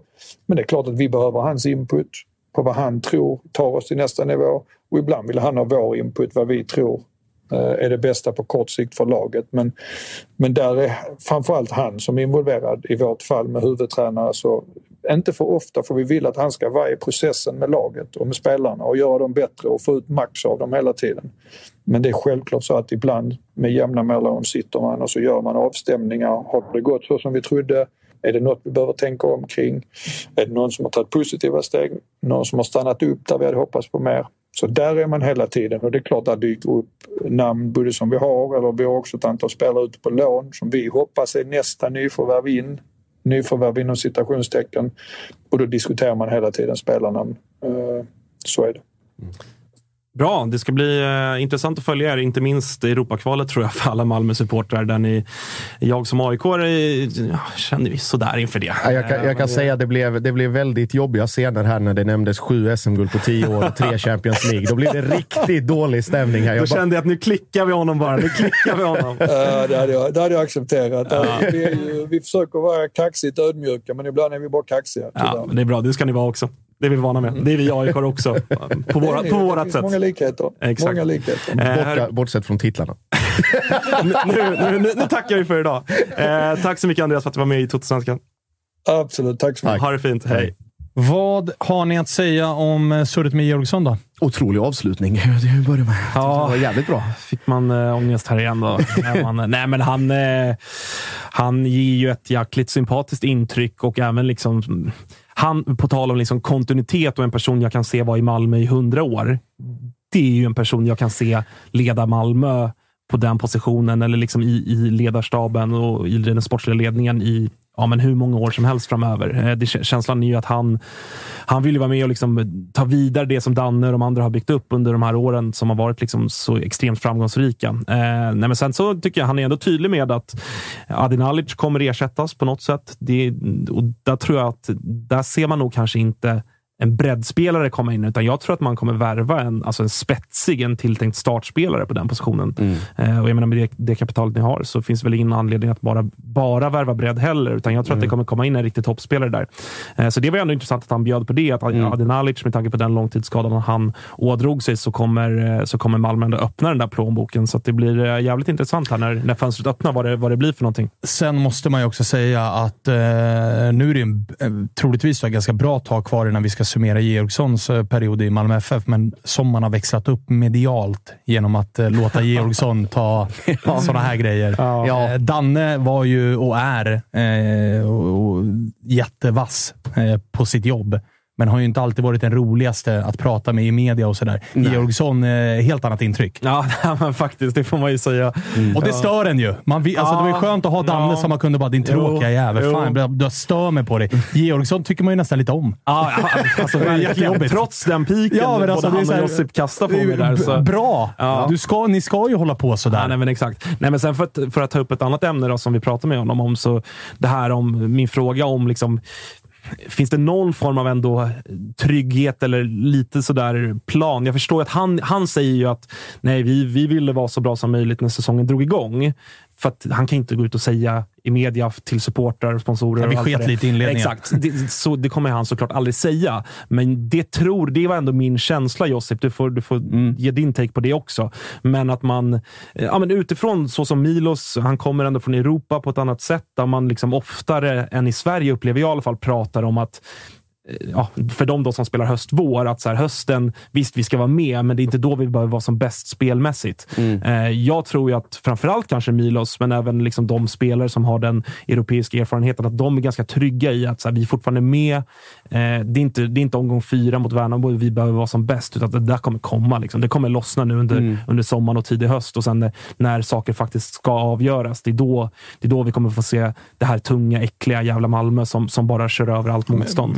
Vidrig trygghet. Ja, nej, men t- jag, jag, jag, jag fick ändå den känslan av att Gerson ändå känner lite det också. Sen så, såklart så Ja, man ska gör. inte, alltså ja, såklart. Man, kan, man ska inte liksom placera ens tankar eller lägga ord i munnen. Nej, nej, nej. Men det, det är väl onekligen den uppfattningen även jag har haft, att det blir så att det finns någonting som väntar runt hörnet som är, liksom där, som är viktigt för oss på, på lång sikt. Eh, och så länge vi är okej med fram till det. Vi behöver liksom, alltså idealgrejen är ju att man ska leda och vinna alla matcher såklart, men inte dum. Men utifrån de givna förutsättningarna, spelschemat och, och skadeläge och hela den grejen. Så länge man är med och är på liksom behörigt avstånd. Man ligger femma. Alltså hade Malmö legat elva hade vi pratat något Kris. helt annat. Mm. Ja. Men man ligger femma, man har ett antal poäng eh, upp. Det är inte ointagbart och Malmö har sta- svarat för större bedri- bedrifter Mm. tidigare. Så att så länge man är med och sen så har man den och så kommer den naturliga liksom, motivationen. Ambitionsnivån kliver upp ett snäpp, alla taggar till lite. Det blir mer press från supportrarna. Alltså så, sådana saker. Så att det, som, alltså, det kommer tugga igång. Sen så Georgsson såklart, alltså, som vi pratade om, alltså, han nämner ju det själv också, att de var ju glada och kanske positivt överraskade över att hur det klaffade så tidigt med omställningen i träning och Mm. att man var skadefri så länge. Sen, alltså nio man borta samtidigt, varav, varav en korsbandsskada på, på, ett, på en plan i, i Värnamo med löparbanor. Det är, Samtidigt ska jag säga att jag tycker ändå någonstans också att alltså Malmö man har också lite tur att det bara är fem poäng. Mm. Utifrån den tunga perioden man hade där med, med den här Stockholmsveckan. Plus Häcken. Plus, plus Häcken. Så, så, så här, ta till exempel då, om, nu får liksom alla Häcken-supportrar ursäkta, men jag tror inte att de kommer orka hela vägen. Eh, men om man tar då kanske AIK då, som, som ändå är liksom två del, delad serieledare. Det poängtappet AIK får mot Sirius på Friends var ju ingen som trodde. Hade AIK gjort det man ska göra i 9-10 matcher där och vunnit, då hade det varit sju pinnar upp. Malmö har inte kvar AIK hemma på hösten som man har Mm. haft många tidigare år, där man vet att där tar vi in tre pinnar oavsett vad. Så att är vi bara tre efter Gnaget, då är det lugnt. Då är inte AIK ett Mm. hot. Den plankan har man ju inte. Hade AIK vunnit, AIK vunnit där, sju pinnar ner, det tror inte jag att ni hämtar in på AIK. Nej, och det är väl... Så förstår du vad jag menar? Ja, ja, ja, att, att, ni har haft lite flax också. Även Bayerns Ja, poängtapp mot Värnamo. Den är ju då hade det mer än välkommet. Då, då, ja, men då hade det varit sju, åtta pinnar plus en match mer. Nu har ni Mm. visserligen Bayern kvar hemma, men förstår du vad jag menar? Att Ja, absolut. Det har Och det- liksom fallit ganska väl ut för Malmö. Ja, och jag tänker direkt på när Malmö var sju poäng efter Norrköping efter sju omgångar för något Mm. år sedan. Och det Mm. var liksom, eh, vad heter det, pikar från... 2020 va? Eller? Ja, pikar, pikar från halva jävla Östergötland om att säga ja, Ja, Tapper stod väl på torget och firade guldet där i omgång åtta eller något. Tyska torget. Tyska, Ja. vissa, vissa var glada, vissa var liksom kaxiga. Sådär. Nej, men det, jag, jag tror att det är en aspekt som, som man absolut har med sig. Och det är som du säger, alltså just Sirius där för AIK och Värnamo Bayern att det, det är två resultat som var dröm för Malmö i det läget. Och det är så ännu, ännu mer att gå på ledighet. Och då att man städar av degen själva av bara farten. Ja, det gör ju, det gör ju sitt också. Så att det var väl nog... Många planeter börjar stå rätt i, i Malmö. med Men du, Malmö. eh, vi pratade ju om tränarfrågan tidigare och var Mm. så här, i Malmö så lever inte tränarna särskilt länge. Hade det varit tre år på Milos så då är det nytt rekord sen Hareide. Liksom. Men Georgsson, det är ju en person som man ser, och är det någonting Malmö har varit bra på, till skillnad från, det är många aik som menar att det är anledningen till att glappet är vad det är. Att i AIK så är det ofta, tränarna har suttit länge, spelartruppen har ofta varit intakt, men det har varit stökigt där uppe. Sportchefer, styrelser, ordföranden Ja. har man avverkat. Så Stök som, så som där nere. Malmö har avverkat tränare, har AIK avverkat eh, liksom, Ledning. ledning. Eh, Medan i Malmö så har det varit ledningen som snarare har varit den fasta punkten, den röda tråden, där alla har jobbat på samma sätt hela tiden. Mm. Och nu kommer ju Georgsson in. Danne är fortfarande kvar med sin erfarenhet och det. Och Georgsson gissar jag är en person som, det, det är väl inte en jävel som ifrågasätter, utan snarare ser att bra, här kan vi fortsätta med. Ja, Ja, absolut. Och jag, jag garvar åt det. Vi brukar, eller jag skämtar med en kompis som har, också har Balkan-bakgrund. Det kändes som att Georgsson var den, liksom, den i familjen eh, som hade bäst läshuvud och som man skickade iväg för att utbilda sig och sen komma hem och, och visa alla andra hur det ska gå till. Han var på öarna en sväng. och- Ja, men Arsenal och Brentford och lärde sig liksom hela det, alltså handplockad till Premier League av en anledning för att, för att han är bra på det han gör. Och då god kontakt med Pontus Jansson, god kontakt med alla gamla spelare. Det var alltså hans jobb innan eh, han lämnade. Var ju alltså som, som ansvarig, eller delvis ansvarig för, för akademin och ungdoms och hela den biten. Att han höll kontakten med de unga spelarna som var i andra klubbar. Hade inte Georgsson och till exempel Anel Ahmedhodzic haft den kontakten när Anel var i Nottingham och kom hem och tränade i Malmö varje sommar, då hade Anel aldrig varit aktuell för att komma tillbaka till Sverige när den dagen kom. Och nu med, med Ponne, med Forsberg, säkert med Robin Olsen, med liksom alla som i någon form har varit där, att det blir ett naturligt liksom nav kring att ha krokar ute och hålla vid, bibehålla kontakt och sånt. Det är guld värt i så många andra avseenden. Och sen då med alla erfarenheter från, från England och struktur och klubborganisation och planering och alla de här detaljerna. Det är som ni säger, han kan ju sitta där i fem Och där år. ser man också vad han har lärt sig. Alltså, det har han ju verkligen tagit med sig och ganska omgående fått in i Malmö. Alltså, den mängden spelare som Malmö har ute på lån eh, och också hur man får de lånen att faktiskt eh, Funka. funka För det har det inte alltid gjort. För att jag menar, det har vi pratat om tidigare, i, eller det jag har hört i andra sammanhang tidigare. Just eh, stora klubbar i Stockholm som lånar ut spelare. Att de är, är så här, ah, men vi tappar lite kontrollen på dem och vi har inte riktigt resurser Mm. till att hålla kontakten med dem och, och hela den biten. Där, är ju, där gissar jag att Georgsson har jävligt mycket med sig från hur man jobbade i England och bara kan köra copy-paste på. Så här gör man för att de här lånen också ska bära frukt på lång sikt. Ja, absolut. Och att man har då alltså den, jag tror det där är en, alltså Olympic-samarbetet, alltså BK Olympic som är i, i de lägre divisionerna. Jag tror jag ska inte svära på om det är ettan eller tvåan, skitsamma, men däromkring. Att det samarbetet grundas och att man handplockar en tränare i form av Mesut Meral till den klubben för att vara den här bryggan med att okej, här har vi åtta spelare som är för gamla för P19. Vi ger fem, tre av dem kan vi schappa alltså kan vi schappa direkt. Fem av dem ger vi lärlingskontrakt. Klarar de det bra i Olympic och gör det bra där, då kan vi fasa upp dem i liksom den av, avverksamheten. För det har ofta varit problemet i Malmö de senare åren att det är många som är duktiga i P19 och många som skulle kunna platsa på sikt, men där glappet har varit för stort och där man sen inte har kunnat liksom eh, hitta rätt eller placera ut rätt. Sebastian Nanasi var på ett helt misslyckat låneäventyr i Varberg till exempel. Alltså sådana saker. Och nu med Olympic med de unga, att man på sikt liksom fasar in att klarar du det där, då kommer du klara att träna i en A-miljö i MFF. Och då, då kanske man undviker den här Uddenäs-grejen till exempel. Alltså så här, the one that got away. Nu har Malmö varit väldigt bra på att liksom tacka nej till rätt spelare och lyfta upp andra. Men att man kan få en ännu högre frekvens på de sakerna. Det är jag helt övertygad om kommer från, eh, från England. Härligt! Hörni, det här blev eh, ett jävligt långt, men också ett jävligt spännande avsnitt. Vi inledde ju med Kalmar och avslutade med eh, Malmö FF. Jag hoppas att ni gillade det. Vi är tillbaka igen på måndag och då, August, ska vi prata topplag. Det ska vi göra. Det blir Lämnar väl, vi eh, mitten? Ja, det blir derby här i studion va? Ja, Eh, exakt måndag. så. Exakt så. Då är det Djurgården och Bayern och sen så avslutar vi onsdag då med de två som toppar tabellen, nämligen AIK och Häcken. Det blir, Det blir kul. spännande att röra oss, Innan midsommar där, röra och oss så eh, Ja. till toppen. Så att äntligen då har vi städat av mittenlagen. Ja. Vad skönt! Gneta oss igenom mittens Ja, rike. Det är verkligen. alltid lurigt träsk där. Verkligen. Mycket långa inkast Ja, de här mittengängen. Ja, det, det har vi inte ens nämnt, men vilket vapen de har fått tillbaka Malmö i Knudsen. På tal om England. Långa inkast och hela den biten. Jävla fint Josip att vi, vi får ta de chanserna vi får och trycka till det lite Passa grann. på. Passa ja, på. vi gör det medan vi kan. Eh, får vi se hur länge till vi får njuta av det. Eh, tack för att ni lyssnar på Toto-svenskan. Följ oss på Instagram och Twitter och TikTok och hela faderullan så hörs vi igen på måndag. Hej!